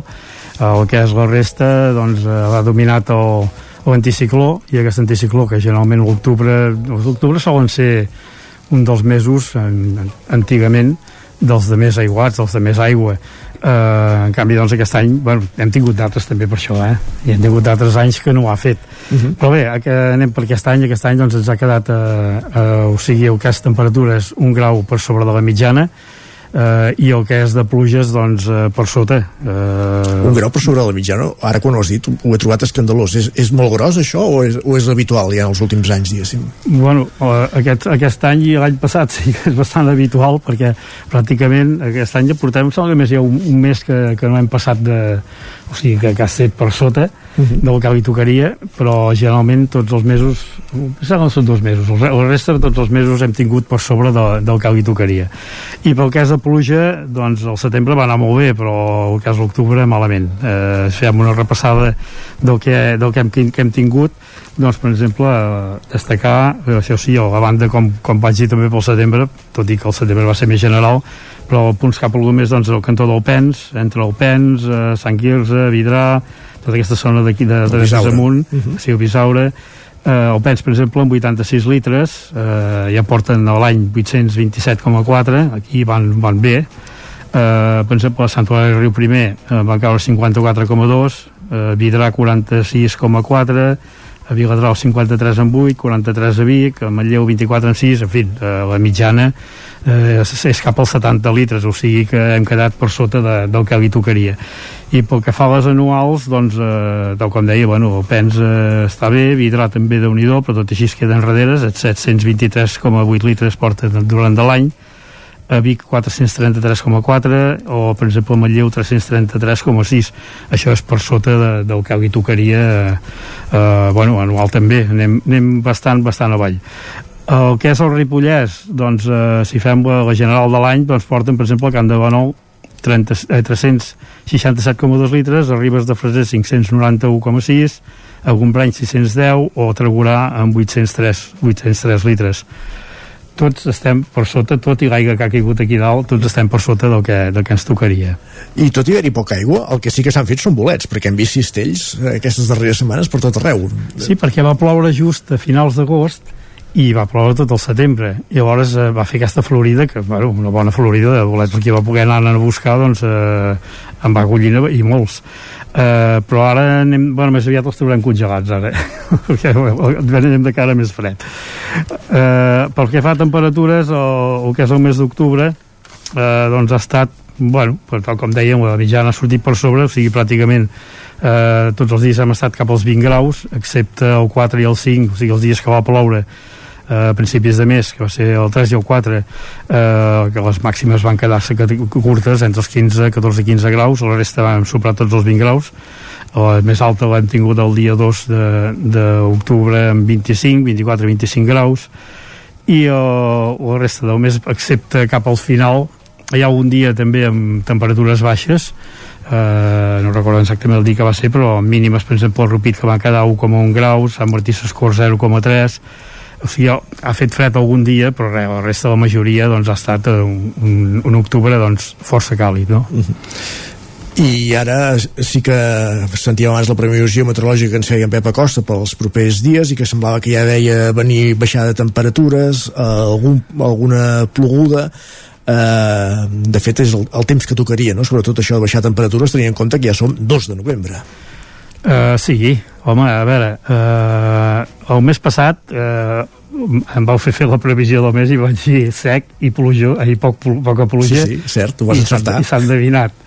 Uh, aquest diuen que, que seria doncs, plujós i fred. De moment comencem, home, els primers, aquests primers dies, uh, avui déu nhi avui ha baixat, vull dir que avui ja fa falta la jaqueta, i els pròxims dies compto que també. Tot i que demà i demà passat eh, s'acosta ha una perturbació que, que ens, i a més a més ens entra aire fred això farà doncs, que hi hagi fins i tot pugui haver-hi alguna tempesta. O sigui que demà i demà passat ruixats en podem tenir i temperatures doncs les mínimes baixes i les màximes no dels 20 graus em sembla que aquest, aquests primers 15 dies se'ns ha acabat. Eh, màximes que estaran entre els 14, 15, 16 graus no estirar i les mínimes ja comencem a, a sumar sota zero segur uh -huh. uh, aquesta setmana mateix ja podem tenir uh, o, o fondalades doncs algunes negatives uh -huh. Això ara recupero una conversa que fa molts anys en, en Manel ni se'n deuen recordar que vam tenir amb Manel uh, que, dèiem, que em deia que ara seria l'època d'aquelles fredurades que ho maten tot, que maten processionàries, que maten uh, animalons d'aquests que llavors ens provoquen plagues de cara a, a finals d'hivern, primavera no? Eh, aquest, aquestes fredurades però ja, ja, ja han passat a millor vida gairebé, no? perquè hauria de fer una glaçada eh, contundent i llarga en el temps també, no? Sí, eh, home, a l'hivern ja, ja eh, mesos d'octubre són més suaus, no? però de totes maneres també n'hem tingut algun de, de fred a l'octubre jo he mirat, he mirat algunes dades i per exemple parlo ja de molts anys enrere eh, jo me'n recordo que compràvem les castanyes per escalfar-nos les mans correcte. que no ens agradaven sí. gaire. Sí, sí. Eh, aquest any no ha estat així perquè estàvem a 20-21 graus. No, aquesta setmana he vist, aquest cap de setmana he vist alguna castanyera amb tires coent castanyes de fet. Sí.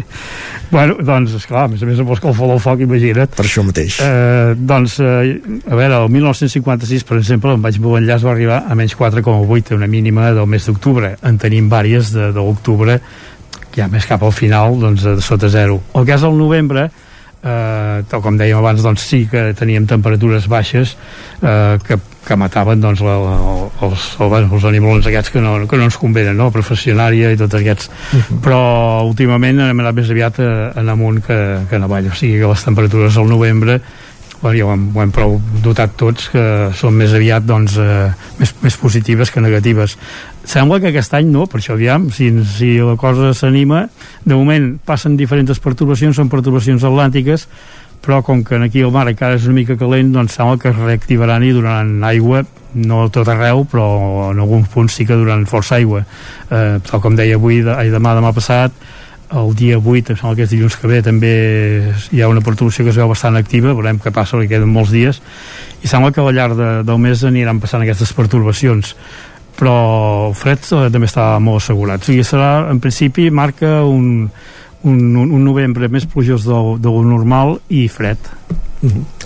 Doncs veurem si, si es compleixen aquests vaticinis, diguéssim, d'un novembre excepcional pels, pel que estem veient dels novembres de, dels últims anys, no? perquè és això que, que comentaves ara, que la tendència és que novem, novembres més plàcids últimament. Aquest no ho serà tant pel que dius. Uh, pel que marca, de moment no. De moment, uh, aquesta setmana ja quasi ho podem assegurar. Perfecte.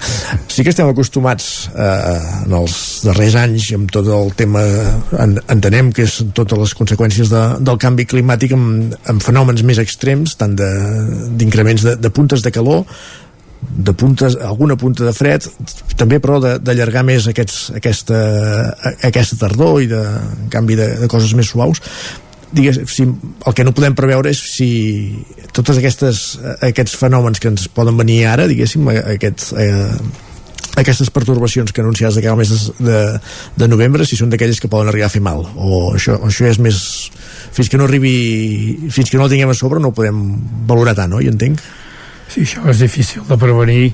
Uh, a veure, si el mes es, es manté com, com fins, fins bueno, com, com està pronosticat, no?, amb fred i amb, i amb pluges, doncs, eh, home, a veure, la costa sí que és possible, de que, com que ja et deia, el mar encara està una mica calent, eh, sí que és possible doncs, que es pugui reactivar i hi hagi pluges doncs, fortes, no? Eh, cap a l'interior sembla que seria més, més difícil de totes maneres, eh, com deia abans el, els mesos d'octubre, o sigui que és el, aquí el, el que ara falla són els llevants. Els llevants d'abans no hi són, sempre us ho explico. Eh, ara són més puges més puntuals i el, per exemple els, els octubres, els aiguats més importants sempre pràcticament han estat a, finals de setembre o, o setembre sobretot a l'octubre 1940 o 1863 aquests, aquests aiguats que va haver-hi i, eh, i d'altres que n'hi ha hagut i el, i el novembre, fins a mig novembre doncs hi ha, hi ha possibilitats no, de que pugui passar una cosa així uh mhm. -huh. veurem, eh, els bolets ens deies congelats, per tant s'acaba la temporada els diu això o no? Mm, home, eh, ha fet vent el vent ja no li va bé i va apretar bastant ahir i a més a més doncs, eh, eh, de pluja no n'hi ha hagut massa veurem què passa encara si plogués una mica si plogués aquest novembre tal com, com, com està anunciat doncs eh, podrien sortir. El que passa que esclar, ha l'altre és les temperatures. Si les temperatures ja comencen a anar per sota de zero eh, és difícil ja de que, de que surtin no? el que deia, els trobem congelats amb algun fredoluc suposo que encara es pot fer déu nhi doncs veurem com ve aquest novembre. Hem repassat les dades d'octubre amb el Manel Dot de la xarxa d'observadors meteorològics de, de la comarca d'Osona. Gràcies un dimarts més, un mes més per si avui amb nosaltres i veurem, valorarem d'aquí un mes com ha anat el, el novembre i a veure com, com se'ns presenta el desembre ja a les portes de, de Nadal. Gràcies, Manel. Moltes gràcies a vosaltres. Bon, bon dia. dia.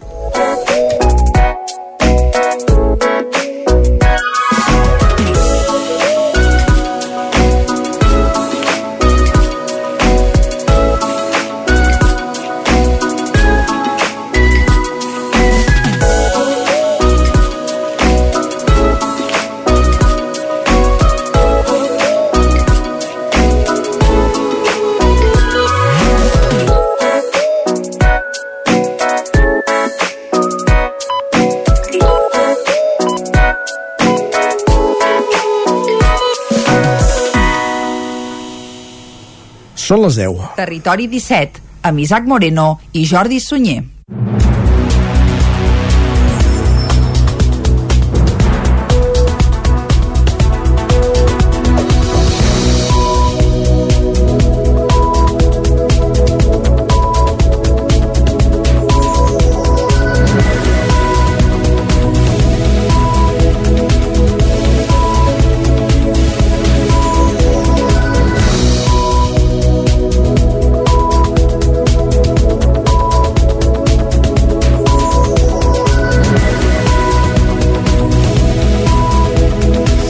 Més aviat són les 11 i ara sí, com cada dia a aquesta hora, repàs informatiu, repassant per les redaccions que fan possible cada dia el territori 17. Després de tres intents fallits en els últims 8 anys, Vic implantarà finalment el sistema de recollida porta a porta.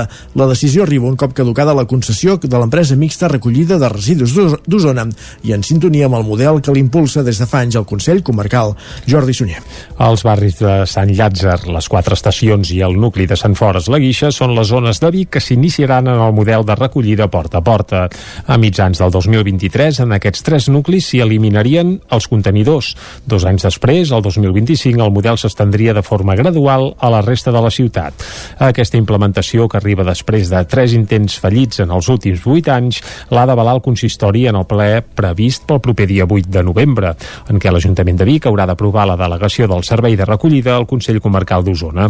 Segons Albert Castells, regidor de Medi Ambient a l'Ajuntament i conseller delegat del cicle de residus al Consell Comarcal, l'aposta de Vic pel model porta a porta respon als següents motius. El model no és una qüestió d'una ideologia política, sinó que, com deia, són per fets eh, contrastats, que és el que permet un més alt nivell de resultats i caminar cap a aquesta taxa de pagament per eh, generació, que és el que se'ns demana doncs, des de l'Agència de Residus.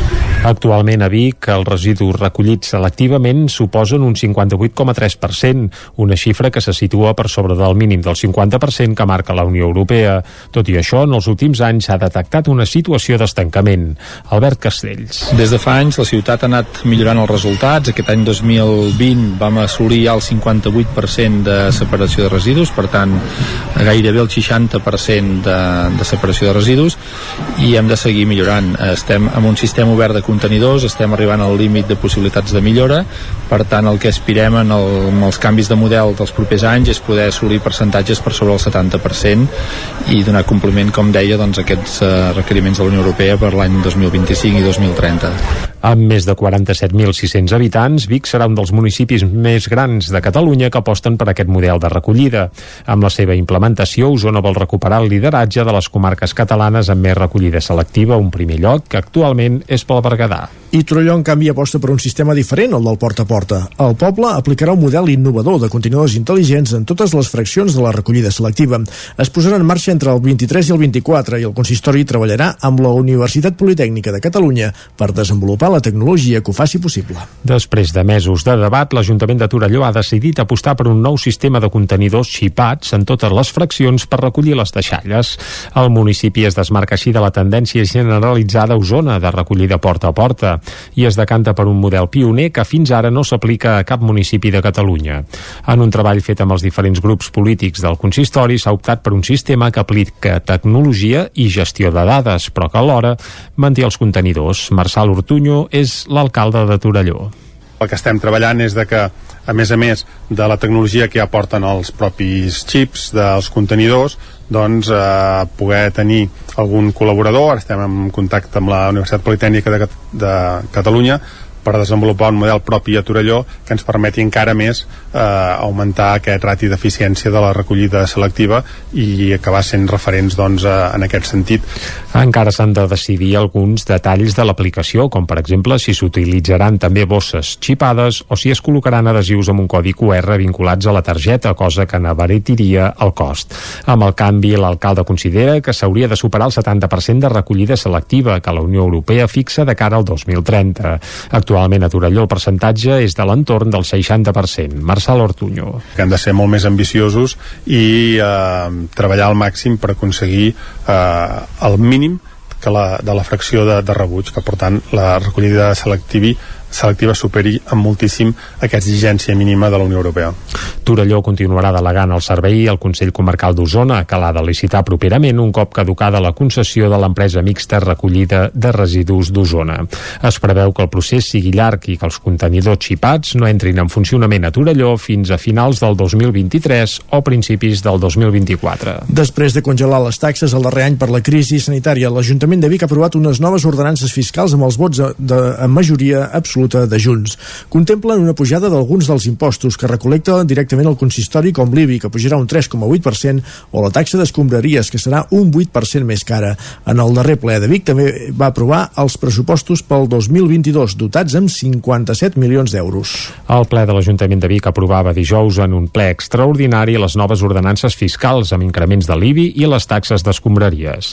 Després d'un any congelades per la pandèmia, l'IBI pujarà un 3,87% i ho faran un percentatge similar també a l'IBI industrial, al comercial i al rústic. També pujaran 12 euros la taxa de residus, que s'enfilarà un 8,5% més.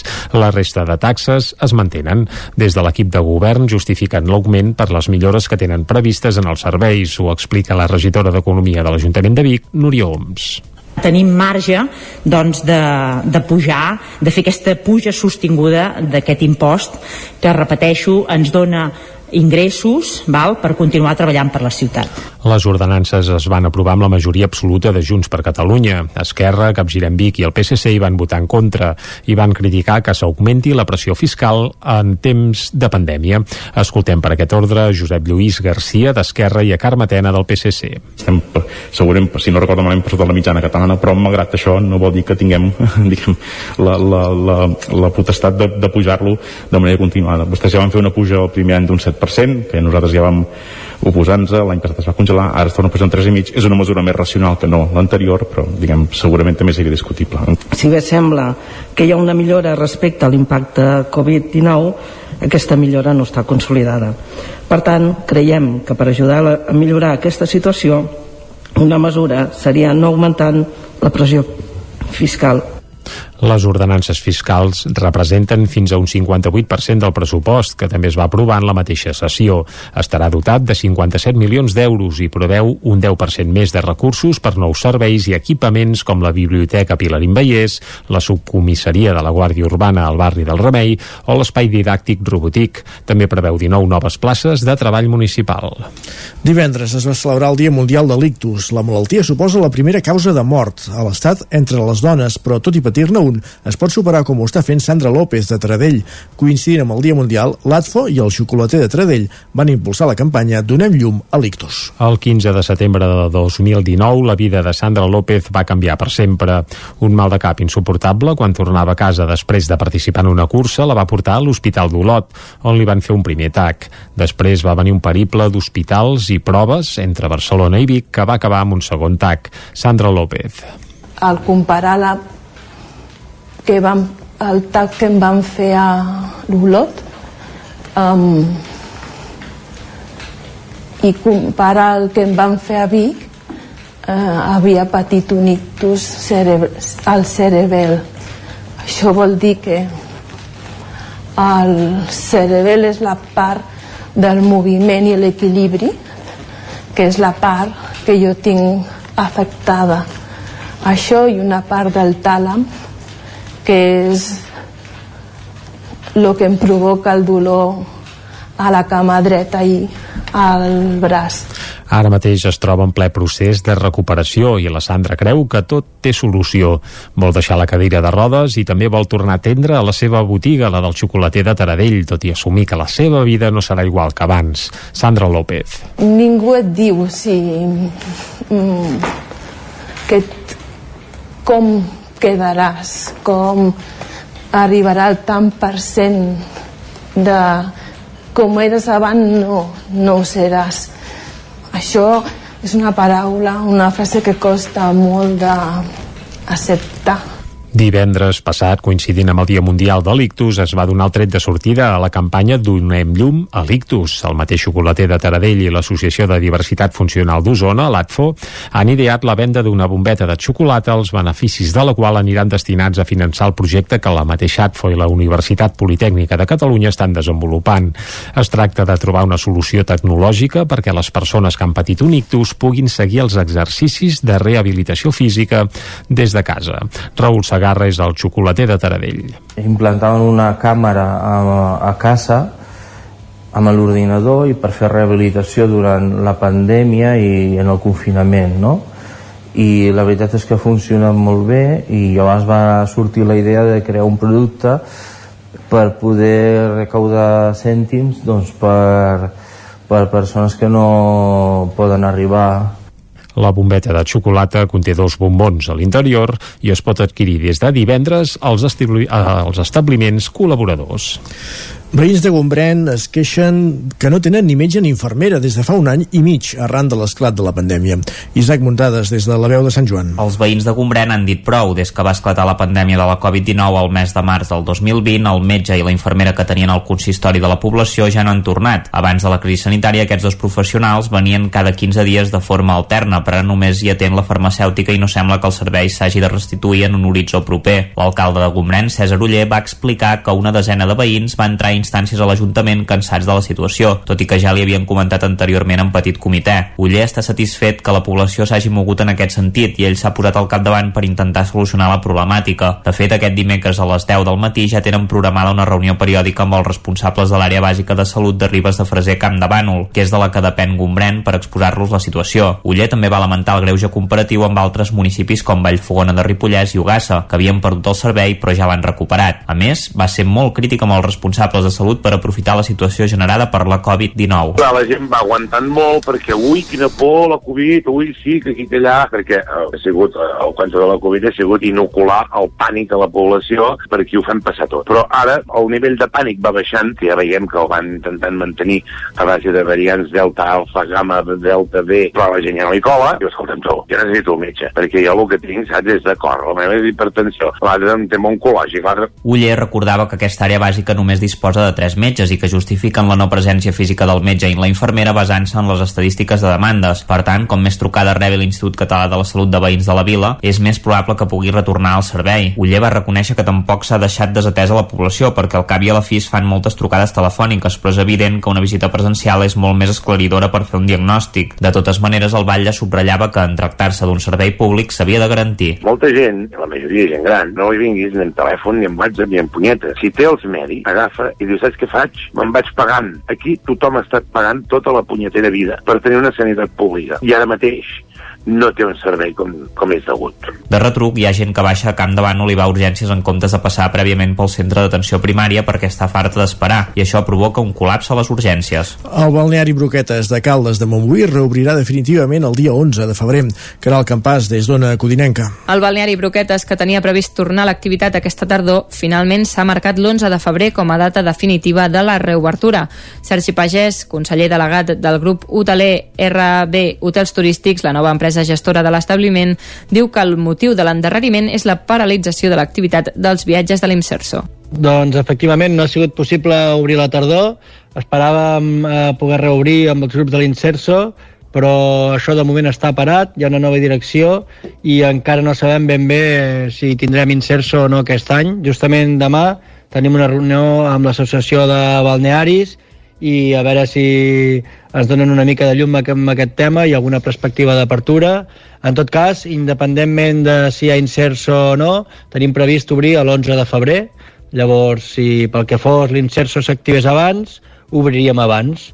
Mentrestant, RB Hotels Turístics ha demanat allargar el ZERTO de la plantilla de treballadors.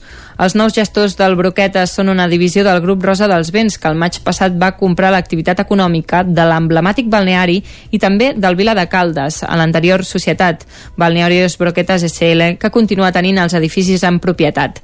D'aquesta manera s'acabava la incertesa sobre el futur de l'establiment que portava 14 mesos tancat i amb el total de la plantilla de treballadors en ERTO RB Hotels Turístics es va comprometre a mantenir el 100% de la plantilla amb idèntiques condicions contractuals. Esports. Victòria pel sènior masculí del futbol sala Cardedeu de Divisió d'Honor Catalana. En aquesta tercera jornada de Lliga han guanyat contra la Unió Futbol Sala Mollet en un partit molt ajustat fins a l'últim moment. Núria Lázaro, de Ràdio Televisió de Cardedeu. Els del Cardedeu han començat amb el domini del joc, marcant els dos primers gols del partit. A mesura que ha avançat la primera part, ha marcat el seu primer gol al Mollet. Alberto Sevilla, jugador del futbol sala Cardedeu. Bé, la primera part ha sigut molt competida, hem sortit bé, hem sortit ordenats, i bé, això ha significat que, que pugéssim al marcador i hem, hem estat bé. Després, eh, la segona part sí que ha sigut una mica oh, un correcalles i, i bé, eh, hemos sufrido, però s'ha guanyat, que és l'important. Els dos equips han lluitat el partit fins al final amb un 6 a 5 que donava la victòria al Cardedeu. Partit polèmic, però amb l'àrbitre que a la primera part ha tret targeta vermella al porter del Mollet, qui ha estat substituït. David Sánchez, entrenador de la Unió Futbol Sala Mollet. Més que les targes, les decisions arbitrals. En segon que, en segon que moments, a l'hora de decidir de qui és la pilota, eh, faltes que no ha vist l'àrbit, bueno, ha sigut una mica decisiu, una mica protagonista en el partit d'avui. El porter, però, no ha sigut l'únic jugador sancionat. Tant el Mollet com el Cardedeu s'han endut targetes grogues. La setmana vinent el Cardedeu jugarà fora contra l'Olímpic Floresta, un equip que a priori no sembla un rival fort pels del Cardedeu. Gràcies, Núria. Acabem aquí aquest repàs informatiu que hem fet també en companyia de Jordi Soner, Caral Campàs i Isaac Muntades. Passa un minut d'un quart de dotze, anem a l'espai d'Economia amb en Joan Carles Arredondo.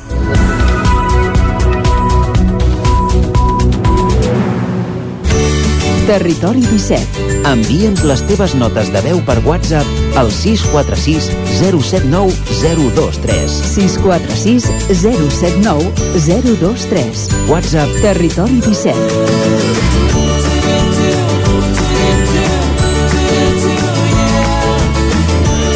Territori 17. Som a Facebook, Twitter i Instagram amb l'usuari Territori 17.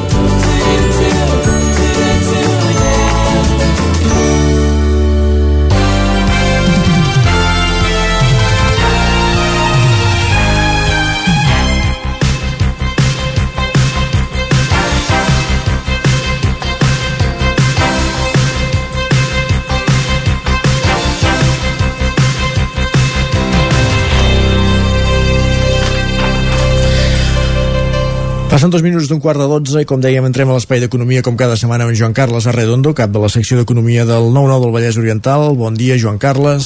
Hola, com bon dia. estem?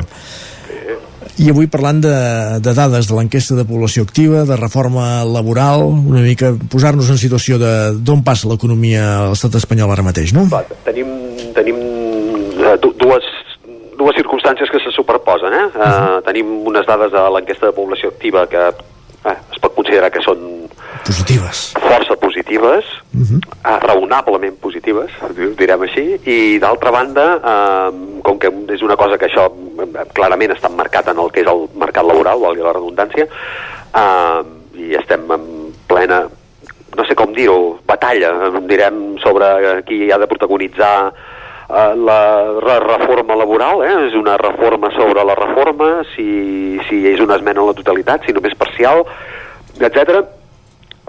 a veure, uh, intentem, intentem posar una mica a veure què és el que, des del nostre punt de vista, seria, seria més convenient en aquest cas. Si de cas comencem emmarcant eh, una mica la qüestió, efectivament, tenim uns resultats de l'enquesta de població activa que es van donar a conèixer la setmana passada, són uh, les referides al tercer trimestre d'aquest any, i efectivament hi ha molts titulars. Eh? Uh, uh -huh. aquest, uh, aquest mes de setembre s'han tornat a superar els 20 milions de treballadors en actiu, això no passava des de fins i tot abans de, de la crisi sanitària.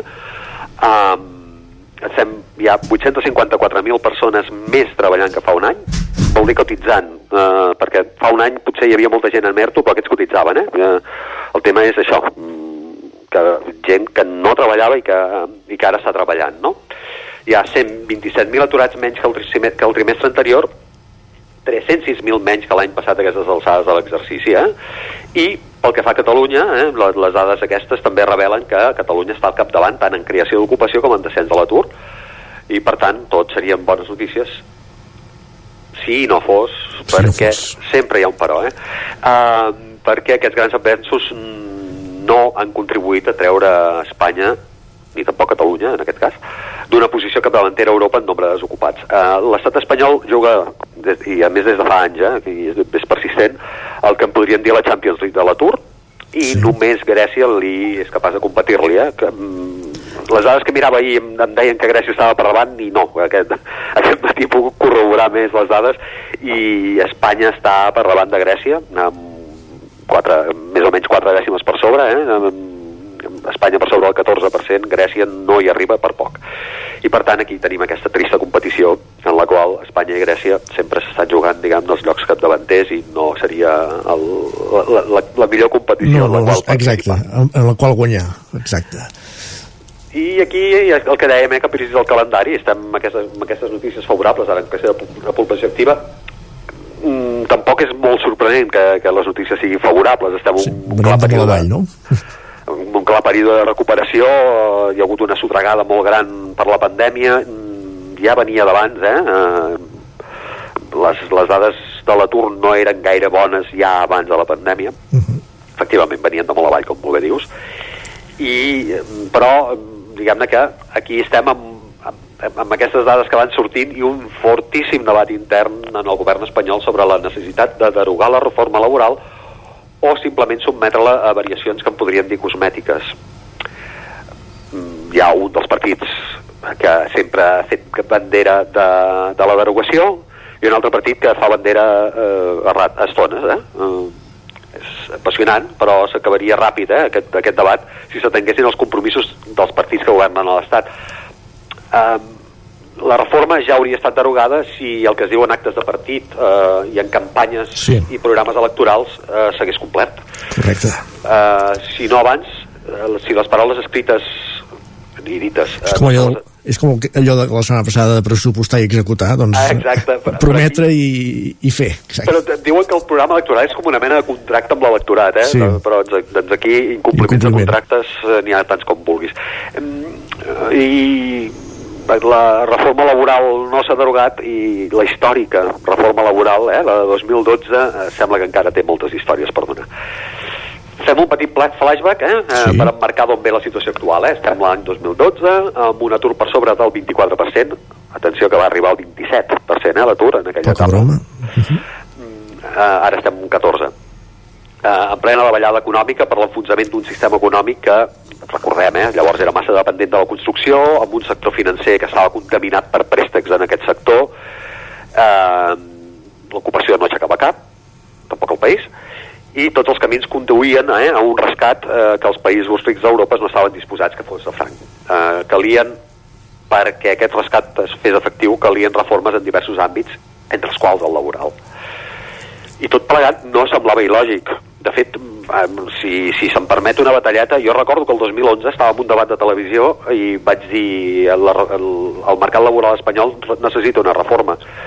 Hi havia un sindicalista en aquell debat al qual no li va agradar aquesta afirmació, però, però és, era evident. És a dir, amb un mercat laboral que et porta un 27% d'atur, efectivament necessita reformes. S'ha d'actuar, s'ha d'actuar, evidentment. Sí, sí. Eh, calia canviar aquell marc laboral perquè era obvi que el que, el, que, el que estava vigent llavors eh, no donava resultats.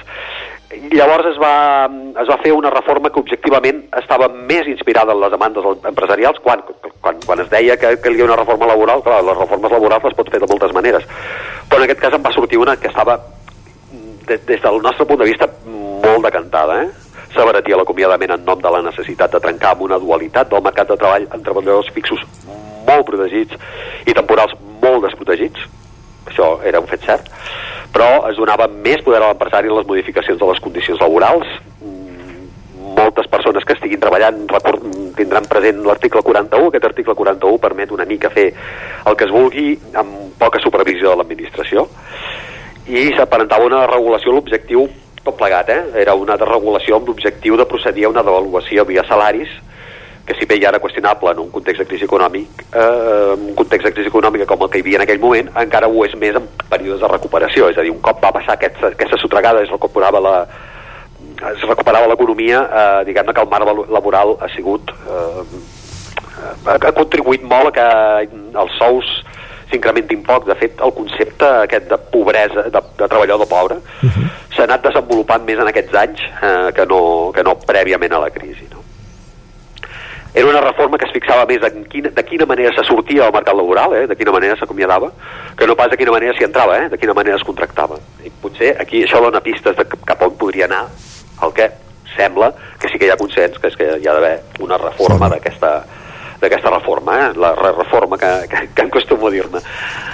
Uh, és perceptible que, aquests, que, que els objectius que argumentaven els governants al moment, uh, no els ocults, eh, fins i tot els públics, no es poden donar per complerts perquè tenim un mercat laboral que encara està marcat per taxes d'atur molt més elevades que la mitjana europea, eh? Uh -huh. estem parlant d'aquest 14%, avui m'he entretingut a mirar dades, Alemanya 3,5%, eh, mitjana de la UE, que havia passat del 10,3% al 2012 al 7,5% actual, Espanya el doble, eh, sempre, eh, persistentment el doble.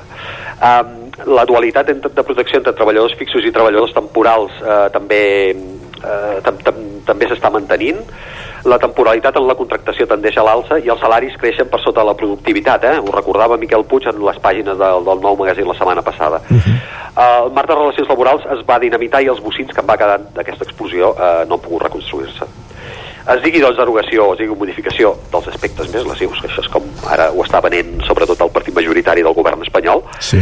um, està clar que, que cal diguem-ne, uh, una un, un nou plantejament eh, d'aquesta reforma del 2012 perquè no ha aconseguit aquests objectius. Eh, seria desitjable que fos més equilibrat en, que l'anterior eh, i que no s'enviés a la desprotecció un ampli col·lectiu laboral. Eh, el concepte de treballador pobre, com dèiem, s'ha desenvolupat eh, sota, sota, sota aquesta reforma. No? Sí tenim una reforma que va sorgir en un moment de crisi, i això potser sí que podria conduir aquesta mena de regulació, però s'hauria d'aprofitar que l'actual eh, més o menys s'està desenvolupant en un, en un moment de recuperació i a veure si aquesta reforma laboral dona per molts més trimestres amb una enquesta de població activa tan favorable com la que hem tingut eh, darrerament. Eh, amb això estaria bé que hi hagués el consens de tothom, sí. partits, de, partits de govern, partits d'oposició, patronals i sindicats, perquè potser, eh, potser no és el millor acord, però sí el que seria més confortable per tots. Gràcies, Joan Carles, ho hem de deixar aquí. Gràcies a vosaltres, bon dia. Bon dia. Adéu. Doncs hem fet aquest repàs amb la situació econòmica, fem una pausa i tornem. El nou FM, la ràdio de casa, al 92.8. El racó de León. Gaudeix de la nostra terrassa. Vine a tastar les xuletilles de l'Echal a la brasa amb una bona amanida o el xuletón de vedella gallega. No et pots perdre el nostre lechado de Castilla al forn o el cochinillo a l'estil de Segovia. Tot acompanyat del millor celler, al menjador o fora la terrassa. Descobreix la millor cuina de Lleó sense moure't de casa. Vine amb la família, els amics, la parella o sol. T'encantarà. El racó de León, cuina tradicional lleonesa i de mercat. Som al carrer Torelló número 35 de Vic. Per reserves, telèfon 93 889 1950. El racó de León, una cuina diferent. Som especialistes en cargols a la llauna. Vine a tastar-los al racó de León. A Corretja tenim tot el que necessites per la teva llar. Tot tipus de paviments i revestiments, sistemes d'aïllament, cobertes, parquets, aixetes, ferreteria, pintures, fixació i cargoleria, vestuari i material de seguretat. Disposem de més de 3.500 metres quadrats d'exposició amb una nova zona exterior d'aïllaments. A Corretja som especialistes en cuines i banys. Us assessorem, dissenyem i realitzem el projecte des de l'inici fins a la fi del muntatge.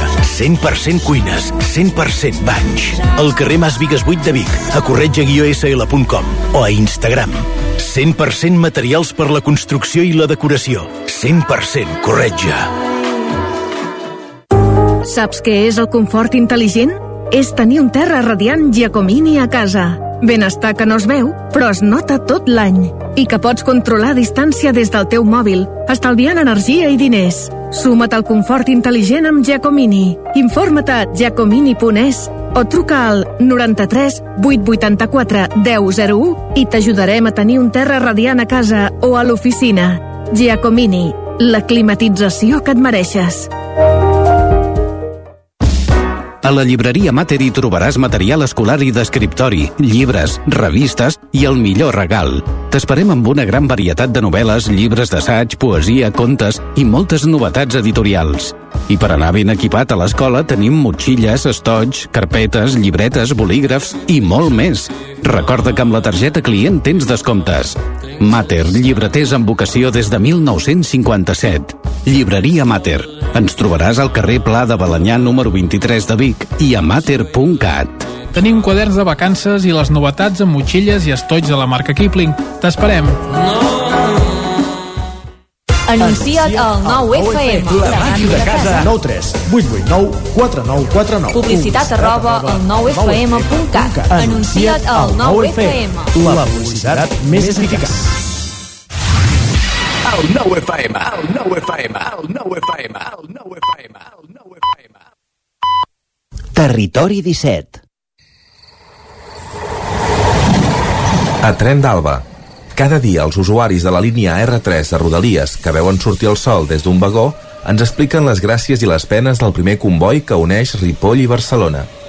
Benvinguts a Tren d'Alba. L'altre dia el Twitter de Renfe deia que un tren havia efectuat una sortida amb 11 minuts de demora per incidència en origen. En la piulada deien que si la incidència afecta la línia, diuen que hi ha una incidència en aquesta. En canvi, si hi ha una demora puntual en el tren, però no afecta la circulació de tota la línia, en diuen normalitat en el servei. L'argument no va convèncer gens ni mica l'usuària Xènia Santigosa, que va replicar-los que hi ha demores puntuals en els trens cada dia, però com que no afecta la circulació de tota la línia, doncs au, normalitat. I els hi etzivava que normalitat en el servei és quan els trens passen a l'hora que toca i no uns minuts més tard. Quina vergonya de servei. Ni un dia fan un servei al 100% fiable. Escoltem a la Glòria Francolí, que almenys sembla que ha tingut més sort. Hola, molt bon dia. Aquí la Glòria des de l'R3. Avui el tren que ha sortit a les pràcticament les 9 de Torelló ha arribat a l'estació de Sants a les 10 i 25, que és l'hora que havia d'arribar.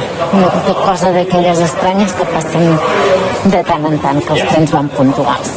Més o menys, eh? Potser ha anat un o dos minuts tard, però, però bé, ha anat bé. I avui el tren, jo viatjava sola, és un viatge diferent perquè, com sabeu, normalment viatjo que encara és de matinada i no hi ha llum a fora, però avui ja era de dia, ja era, era un dia totalment clar i he vist, per exemple, uns quants camps glaçats, ja comença a veure, ja comença a haver-hi gebre i clar, m'ha cridat l'atenció perquè segur que aquesta gebre ja fa dies que hi és, però com és tan, tan d'hora de bon matí, doncs jo no la veig. Llavors avui el tren he estat acompanyada de tres noiets que anaven a Barcelona i estaven molt emocionats amb el seu joc de... un joc d'aquests de, de telèfon de lluites i s'han passat tot el viatge des de Manlleu quan han pujat fins a Sants mirant el telèfon i mirant el aquest i fent comentaris com podeu comprendre i han entès res del que deien. Però m'ha fet pensar que, que, que realment aquests nanos no, sé, que, que només han estat mirant el telèfon tota l'estona. Jo no estic gaire acostumada a veure-ho això, però sí que he llegit molt que hi ha aquesta tendència, no? que el jovent es passa el dia enganxat al telèfon. I avui, com a mínim, amb aquests tres, n'hi havia sobretot un d'ells que no ha parat. Ha sigut una cosa constant. I anava fent el comentari com si fos un youtuber, anar parlant del joc Bueno, res, he estat ben distreta mentre ja intentava llegir el meu llibre. Ja sabeu que llegir mentre hi ha tres que parlen al costat pot arribar a ser complicat, però vaja. També us he de dir que al llarg del temps m'he anat eh, tornant més tolerant amb els sorolls del tren. Abans em molestava molt quan algú xerrava molt fort i això, en canvi, és una, una cosa que ara ja no em molesta. Per exemple, quan sento música d'un altre telèfon mòbil o algú que posa un missatge de veu en alt que tothom ho sent, això abans a mi em feia enfadar molt i en canvi ara doncs ja forma part del viatge i, i ja no m'enfada. No res, espero que tingueu tots molt bon dia i avui aniré una mica més tard a l'oficina però ha valgut la pena perquè he pogut dormir ben bé un parell d'hores més. Vinga, que vagi bé. Doncs això d'estar enganxats a les pantalles dels mòbils és una cosa ben normal en la joventut d'avui en dia i en els no tan joves, que no saben viure sense la tecnologia i sense jugar als jocs del mòbil, la majoria dels quals són ben simples però solen divertir i enganxar, sobretot els preadolescents i adolescents. Va, ens retrobem demà amb més històries del tren i de la R3. El racó de pensar, a Territori 17. Doncs vam passar per l'R3, és moment d'entrar al racó de pensar, com cada setmana en companyia de la Maria López, i avui, Maria, ja ho hem anat anunciant durant tot el programa Bon Dia, centrant-nos en, aquesta, en aquest fenomen que és la, uh, el joc del calamar, aquesta sèrie de Netflix copeta, diguéssim, en, en el vocabulari del jovent d'avui. Bon dia, Maria. Ah, exactament. Bon dia, Isaac, com estem? Doncs sí, perquè avui ja ho hem anat anunciant durant tota la setmana. Avui tenim temazo, que diria la Cantansú, i és que després d'algunes setmanes escoltant la controvèrsia que s'ha generat al voltant d'aquest fenomen de masses i en especial tenint en compte tot el que s'ha dit al voltant de com afecta els infants, avui ens toca parlar de la famosa sèrie El juego del calamar. Si encara queda alguna persona al món que no sàpiga de què estem parlant, us fem 5 cèntims. El juego del calamar no és l'últim plat estrella d'una marisqueria, tant de bo. Uh, és més aviat una nova sèrie de Netflix que s'ha convertit en un autèntic fenomen de masses. I si avui volem parlar d'aquesta sèrie aquí, el racó de pensar, no és per la crítica al sistema capitalista que podem trobar en el seu rerefons, ni per la quantitat de milions de persones que l'han vist, sinó per la preocupació que ha generat pel fet de que gran part d'aquesta audiència han estat infants de menys de 16 anys.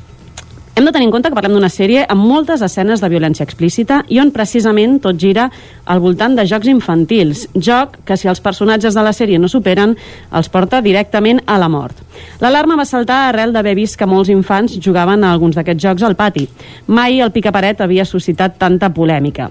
Però el que està clar és que el Juego del Calamar ha posat sobre la taula el debat al voltant de què miren i què no miren els nostres fills i com els afecta. Al voltant d'aquesta polèmica, opinions de tots colors. Avui el racó de pensar i també alguna il·lustració. I és que avui, per gestionar tota aquesta moguda, m'acompanya a l'estudi en Juanjo Fernández Solà, tertulià habitual de la casa, que ens porta un decàleg molt interessant sobre el juego del calamar. Bon dia, Juanjo. Bon dia. Però escoltarem també altres opinions, i és que el tema dona molt de sí. Així que, si us sembla, som-hi. Jugaremos, muévete, luz verde. Jugador 324, eliminado. Aquest àudio que sentíem ara forma part del primer episodi d'aquesta sèrie i aquesta cançoneta és amb la que aquí vindríem a dir un, dos, tres, pica paret, però amb la versió... És coreana, la sèrie? Coreana. Coreana, oi? La versió coreana. D'una banda, eh, i abans de començar m'agradaria donar veu jo mateixa, perquè no el tenim aquí, però sí que hem llegit algun article del Toni de la Torre, ell és crític de sèries, i ha afirmat, i llegeixo textualment, les criatures són perfectament capaces de concebre-ho tot com un joc, precisament perquè són criatures. L'horror de veure jugar el joc del, camar, del calamar al pati és la mirada dels adults. En aquest sentit, el Toni de la Torre segurament seria dels que pensen potser s'està fent un gramassa si haguéssim de fer dos sacs. Però altres persones, com la Mireia Cabero, de Cultura Emocional Pública, consideren que directament hem de protegir els nens de continguts com aquest. Com aquest. Escoltem-la. Si els infants veuen el juego del calamar, els estem posant en risc. I els estem posant en risc perquè els sotmetem a una extrema violència sobre la qual els hem de protegir, que estiguin sotmesos a, no personalment, sinó a través dels mitjans de comunicació, aquesta extrema violència els genera molta facilitat, inseguretats, pors, angoixes. I, I cal que els adults protegim el seu sistema nerviós evitant que rebin inputs i estímuls excessivament esfereïdors que els desequilibri amb una emocionalitat que els espanta i que encara no tenen l'edat ni tenen el seu desenvolupament emocional suficientment mm, ben consolidat com perquè eh, tinguin recursos per fer-hi front. Però no només això, sinó que és un joc on es normalitza la violència i és un model que va absolutament en contra de la cultura de la pau, de la cultura de les cures, de la cultura del benestar emocional i col·lectiu. Per tant, ens pertoca als adults esdevenir responsables de cuidar de la nostra infantesa, mm, protegint-la també, entre moltes altres coses, d'estímuls com el juego del calamar. Escoltàvem a la Mireia Cabero, directora de Cultura Emocional Pública i també tertuliana, tertuliana de la casa, i amb això ja sospitem que d'entrada s'han generat dos grans bosses d'opinions. Una que d'alguna manera diuen directament que els nens no haurien de veure aquest tipus de contingut, i una altra que d'alguna manera els hi sembla que s'està fent un debat massa gran, tenint en compte que ja fa molts anys que els nens consumeixen moltes vegades de manera totalment lliure eh, coses per internet, continguts per internet, i que es juga a l'hora del pati amb jocs vinculats a la violència, com qui juga a cowboys, qui juga juga a ninjas o qui juga a pirates. Un altre dels tertulians habituals de la casa que ha volgut participar donant-nos la seva opinió és el psicòleg Àlex Latosa. Ell considera que el Juego del Calamar, després de tot, ha posat en evidència una problemàtica que ja fa temps que hauríem d'haver abordat. Escoltem-lo. Hola Maria, bones. Doncs mira, passo la meva opinió com a psicòleg en referència a tot aquest enrenou que hi ha hagut sobre el Juego del Calamar, aquesta sèrie de Netflix, i eh, com a psicòleg m'ho he trobat molt en consulta, se m'ha fet moltes preguntes de famílies, algunes de si podien veure'l o no, altres de que ja l'havien vista, i altres doncs, amb, amb nois i noies de 16 anys que havien vist la, la sèrie i quin problema podia haver-hi. A veure, la sèrie en principi està recomanada per majors de 16 anys, que això ja és un factor important. I és veritat que és una sèrie que jo vaig veure el primer capítol i el que em va sobtar moltíssim és que és una sèrie que estan jugant eh, amb jocs infantils i eh, tots els colors que desprèn la sèrie, tots són el, el, el color, el cromatisme amb el que està feta uh, i els plànols, tal com està filmada, sembla que sigui infantil, fins que, clar, veus a, a la quantitat de morts que hi ha i la violència que hi ha. A, qui, a mi em sobta molt és que s'hagi destapat eh, tot aquest tema amb aquesta sèrie, perquè els infants des de fa molt de temps, que infants i adolescents estan veient Netflix amb sèries eh, eh, animes amb violència, amb agressivitat, l'accés a la pornografia, per exemple, és impressionant eh, el, el mal que està fent a molts adolescents en aquest sentit, amb aspectes d'educació sexual, i com em deia molta gent també eh, és eh, bueno, benvinguda controvèrsia perquè ja va bé que hagi arribat ni que sigui amb el juego del calamar. Eh, que estigui parlant tothom d'això crec que és un punt positiu perquè ja és moment de posar-nos a veure com gestionem tot això com a pares i mares i també la societat en general, perquè l'accés és massa senzill. Sí que hi ha sistemes de control parental, però l'accés és massa senzill. També vaig poder llegir una carta d'una escola del Baix Vallès que va enviar l'equip directiu a totes les famílies on especificaven que els infants estaven jugant al pati aquests jocs i, i que es mataven entre ells, clar, que el joc és de, de, de matar-se quan no aconsegueix el joc i eh, l'alarma també l'ha generat així en moltes escoles que han enviat aquests comunicats a les famílies explicant doncs, el problema que és que els infants puguin veure aquestes sèries. Llavors, entre tots i totes, és moment d'educar eh, amb aquesta higiene audiovisual. Això que els infants poden veure i no veure, perquè si no s'està banalitzant la violència, veient que els infants aprenen de manera vicària, és a dir, que aprenen per modelatge, aprenen dels models que van rebent, i vulguem o no, els mitjans audiovisuals tenen un pes molt gran en aquesta, aquest aprenentatge, aquests valors morals que han d'adquirir els nostres infants. Així que benvinguda polèmica, ja era hora que arribés d'una manera més clara i que arribés a tot arreu, però a part de la polèmica mmm, estaria bé doncs, que ara posem els mitjans que corresponen. A nivell legal hi són i pares, mares, famílies, eh, la societat en general ens hem d'empoderar per gestionar això, dedicar temps a gestionar això i a, controlar, i a fer control parental de, de que els infants poden veure o que no poden veure. Bé, doncs una abraçada molt forta al meu estimat racó de pensar i endavant. Una abraçada a tu també, Àlex, des del racó de pensar i benvinguda controvèrsia, ens deia l'Àlex i el Juanjo, que també d'alguna manera ha sigut perceptor d'aquesta controvèrsia, el tenim aquí, no només això, ha fet un decàleg, i a més un decàleg ha fet, mentre estàvem fent la presentació programa, un dibuix xulíssim, on sortim, surto jo, surt el, un, un calamar i surt el Juanjo. Escolta, el Juanjo això de les il·lustracions és que no sap, no, no, no pot estar quiet, eh? Juanjo, t'ha tocat fer fins i tot un decàleg al voltant del tema. Sí, sí, sí, sí. És que, bueno, és, és, eh, és un tema molt interessant i a més eh, és xulo veure aquests dies com s'han mogut aquestes diferents postures des del sector més alarmat eh, i fins i tot eh, alarmista al, eh, al sector potser més boomer dels que diuen bueno, nosaltres de petits jugàvem a segons què i tampoc hem sortit tan malament que aquest és un argument bastant clàssic d'altra banda. Eh, a veure, mm, anem, anem, al, anem al decàleg. Mm, anem a les, a les 10 coses que, que jo podria dir sobre la sèrie viral aquesta. A veure, la sèrie Mm, a, a banda de que no la trobo especialment entretinguda, eh? me l'he mirat, me l'he mirat, però no fos cas. Te l'has mirat, eh, tu? Sí, sí, sí, sí, del, del primer... Jo no, jo no hi he passat el, el, el tràngol, eh? Vaig veure quatre Eh. planos del primer capítol i haig de dir que sóc una mica eh, poruga per aquestes coses, eh? Tam també hi ha el sector que diu oh, si no l'has vist no pots opinar. Jo crec que sí que pots opinar. Jo opino el que vull. eh, no és especialment interessant, diria jo, eh? i no és, la veritat, ni més ni menys violenta que altres sèries i pel·lis que es poden eh, mirar a les plataformes i, i a la tele han obert en moltes tardes. Eh, potser no serà violència a partir de jocs infantils, potser serà violència mm, eh, dins de la família, això, les, les pel·lis que, que hi ha eh, a les tardes eh, moltes vegades van de- van d'això.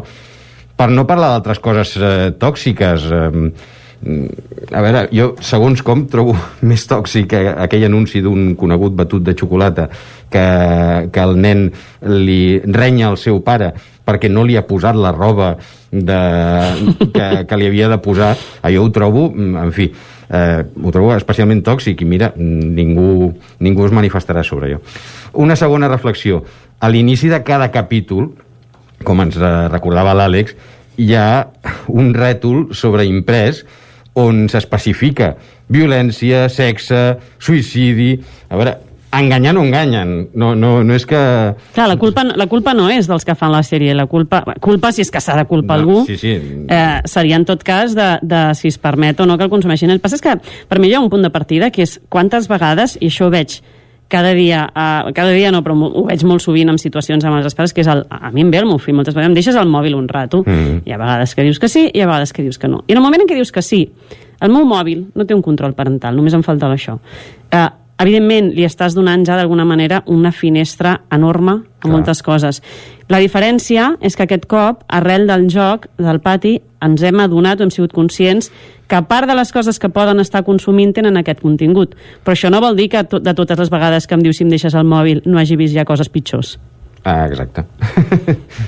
Sí, eh, alguna vegada havíem parlat aquí en el racó de pensar d'allò que en dic jo la, la, la síndrome de, dels pares de Hansel i Gretel que és eh, allò de deixar els fills mm, en el bosc digital i, i hosti, resulta que hi havia una bruixa qui s'ho podia haver imaginat Clar, clar, és que al final- eh, a veure, és un bosc tenebrós eh, això ja tu pots pensar que no és el millor lloc per deixar els teus fills allà sueltos vull dir, si ho fas eh, ho has de confiar molt Hem de ser les... conscients que ens Ah. podem trobar coses així. Clar, clar, clar. Uh, una, una altra reflexió uh, seria un, un error de base, oblidar que la ficció és ficció. I jo, mm, encara que hi ha molta gent que, que està entusiasmada amb Sex Education, no és una sèrie d'educació afectiva i sexual. No està pensada per això. Uh, mm, per 13 raons, per 13 razones, no serveix per prevenir el bullying. I Marlí, o, o les de l'hoquei, no reflecteix la realitat del sistema educatiu. És ficció que podem aprofitar-la, que ens pot interpel·lar, que pot ser interessant, que, que l'hem de comentar amb els fills, amb els alumnes... I tant que sí. Eh, però no és, no, no està pensada per això, és ficció. Llavors agafem la, la ficció com, com si hagués de, de guiar eh, les nostres vides o com si hagués de, de eh, com si allò fos mm, realitat i no ho és, és que és, per definició és que és, és ficció o sigui, em, em sap greu ser vehement però és que eh, ho trobo extraordinari això. Aquí suposo que el, el dubte el que genera eh, d'alguna manera controvèrsia és també el fet de fins a quin punt els nens són capaços de distingir la ficció de la no ficció. Mm, a veure, a, a, fins a una determinada edat, eh, la, la confusió eh, o la, la consideració de la fantasia com a realitat és, és així. No? I i això ho sabem bé, tot, tothom que s'hagi dedicat a, a l'educació en el lleure saps molt bé que en els centres d'interès eh, en les motivacions, en, en les colònies, en els campaments que, que, que fas, doncs quan els nens són petits no veuen el monitor, veuen el personatge que estigui fent el monitor a partir d'un determinat moment, per, per evolució madurativa, doncs llavors es deixa de, de confondre. En aquest sentit, eh, estaria bastant amb el que deia el Toni de la Torre, que ja saben el que, el que és una cosa i el que és l'altra, que no vol dir que això no t'influeixi. Eh? Llavors, a la sèrie, seria una altra reflexió, a la sèrie es fan servir eh, jocs infantils on ser eliminat, en aquest cas, equival a, a morir. Que dius, ostres, és que és molt pervers això. Dius, home, sí que és pervers, però és veritat que hi ha molts jocs, la majoria de jocs, on només pot quedar un guanyador. Llavors és, seria un bon moment per recordar que hem d'ensenyar, famílies, educadors, hem d'ensenyar a saber perdre i a saber guanyar en qualsevol joc i a la vida. No, no...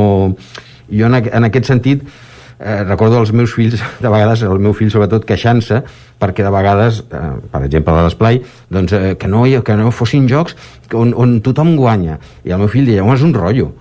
Eh, jocs aquests, jo crec que mm, s'han de, de fer jocs on hi ha uns que guanyen i uns altres que no guanyen tant, també conegut com perden. Eh, I s'ha de, i de, saber, de saber jugar una mica a tot. Tampoc és que ara la gent estigui especialment pertorbada.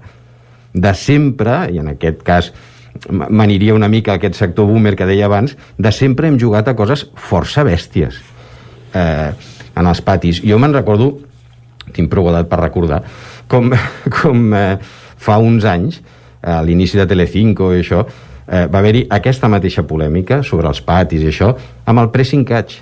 Ostres, és veritat. Us en recordeu? Sí, sí, sí, la lluita sí. lliure, que hi ha personatges que, a més a més, és mm, cosificació bèstia, sí. de la dona... O sigui, a veure, coses que en aquell moment no es plantejaven, eh, de fet, el tema de, de la dona.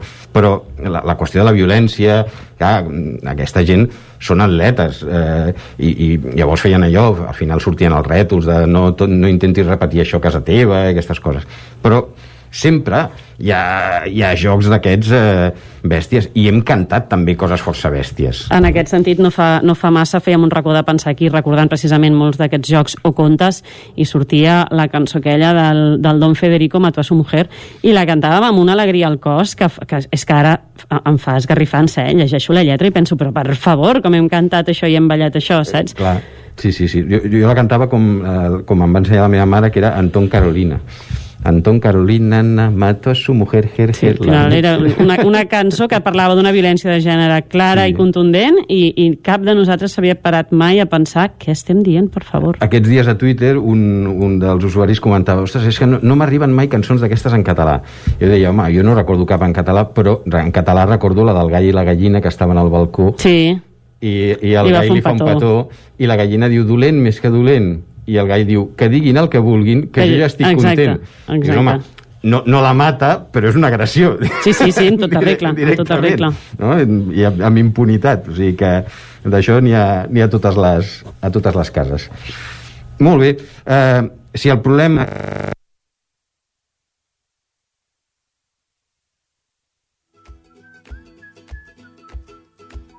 o l'aïllament fins i tot físic pensem que les famílies no són culpables però tenen responsabilitat si proposem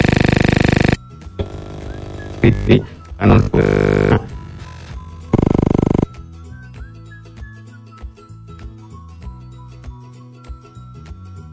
que dir no també és educatiu, que poden fer-ho i que de vegades cal fer-ho. I compta amb donar protagonisme a la sèrie fent-la servir educativament, per exemple, aquests dies que tothom va disfressat del joc del calamar. Jo ho he viscut aquest cap de setmana, m'ha tocat fer Halloween i, i evidentment, el meu fill, bueno, més que un calamar semblava un xipiró, perquè el, allò li ballava per tot arreu, però és que al final és, és moda, i aquí tornem també a un altre dels temes que, que parlàvem amb el, amb el, que, que posava en el seu article el de la Torre, que era, no oblidem que això al final és una, és una moda ara que passarà d'alguna manera. Sí, potser quedarà com les caràtules, com les cares de Scream o com a, o les de Jason o del Michael Myers, Eh, no ho sé, en, qualsevol cas, banalitzar la violència ho fan les sèries, els videojocs, les pel·lícules i també el telenotícies, si davant del que surt a la pantalla no diem res en família, no donem la nostra opinió, no escoltem i, en definitiva, no ens comuniquem. Per tant, jo diria, sobretot, sobretot, que hi hagi aquesta comunicació. No tinguem por de dir, pares, mares, educadors, el que pensem, no el que haurien de pensar els nostres fills, sinó el que pensem nosaltres sobre aquestes sèries i si ens agraden o no. Parlàvem, sobretot, un dels motius en els que d'alguna manera ens hem anat eh, amagant tenim encara temps. És que ens ha arribat com de fons la música i ens Sí, ha fet sí. sospitar, però no, no, anem bé, anem bé. Uh, una de les coses que, que ha sortit uh, ara mateix amb tu i que sobretot amb, amb Twitter doncs, s'ha anat uh, reproduint molt és el tema de aquesta excusa que dèiem quasi boomer, no?, de nosaltres no hem sortit tan malament. El dubte és, realment, eh, és, una, o sigui, és una excusa vàlida?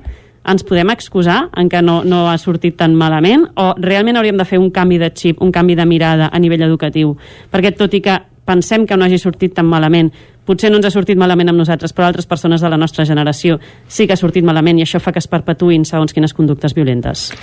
Sí, mm, és un, és un dubte. De vegades penso que diem això de que no hem sortit tan malament per no sentir-nos malament per haver fet segons què o haver jugat a segons què.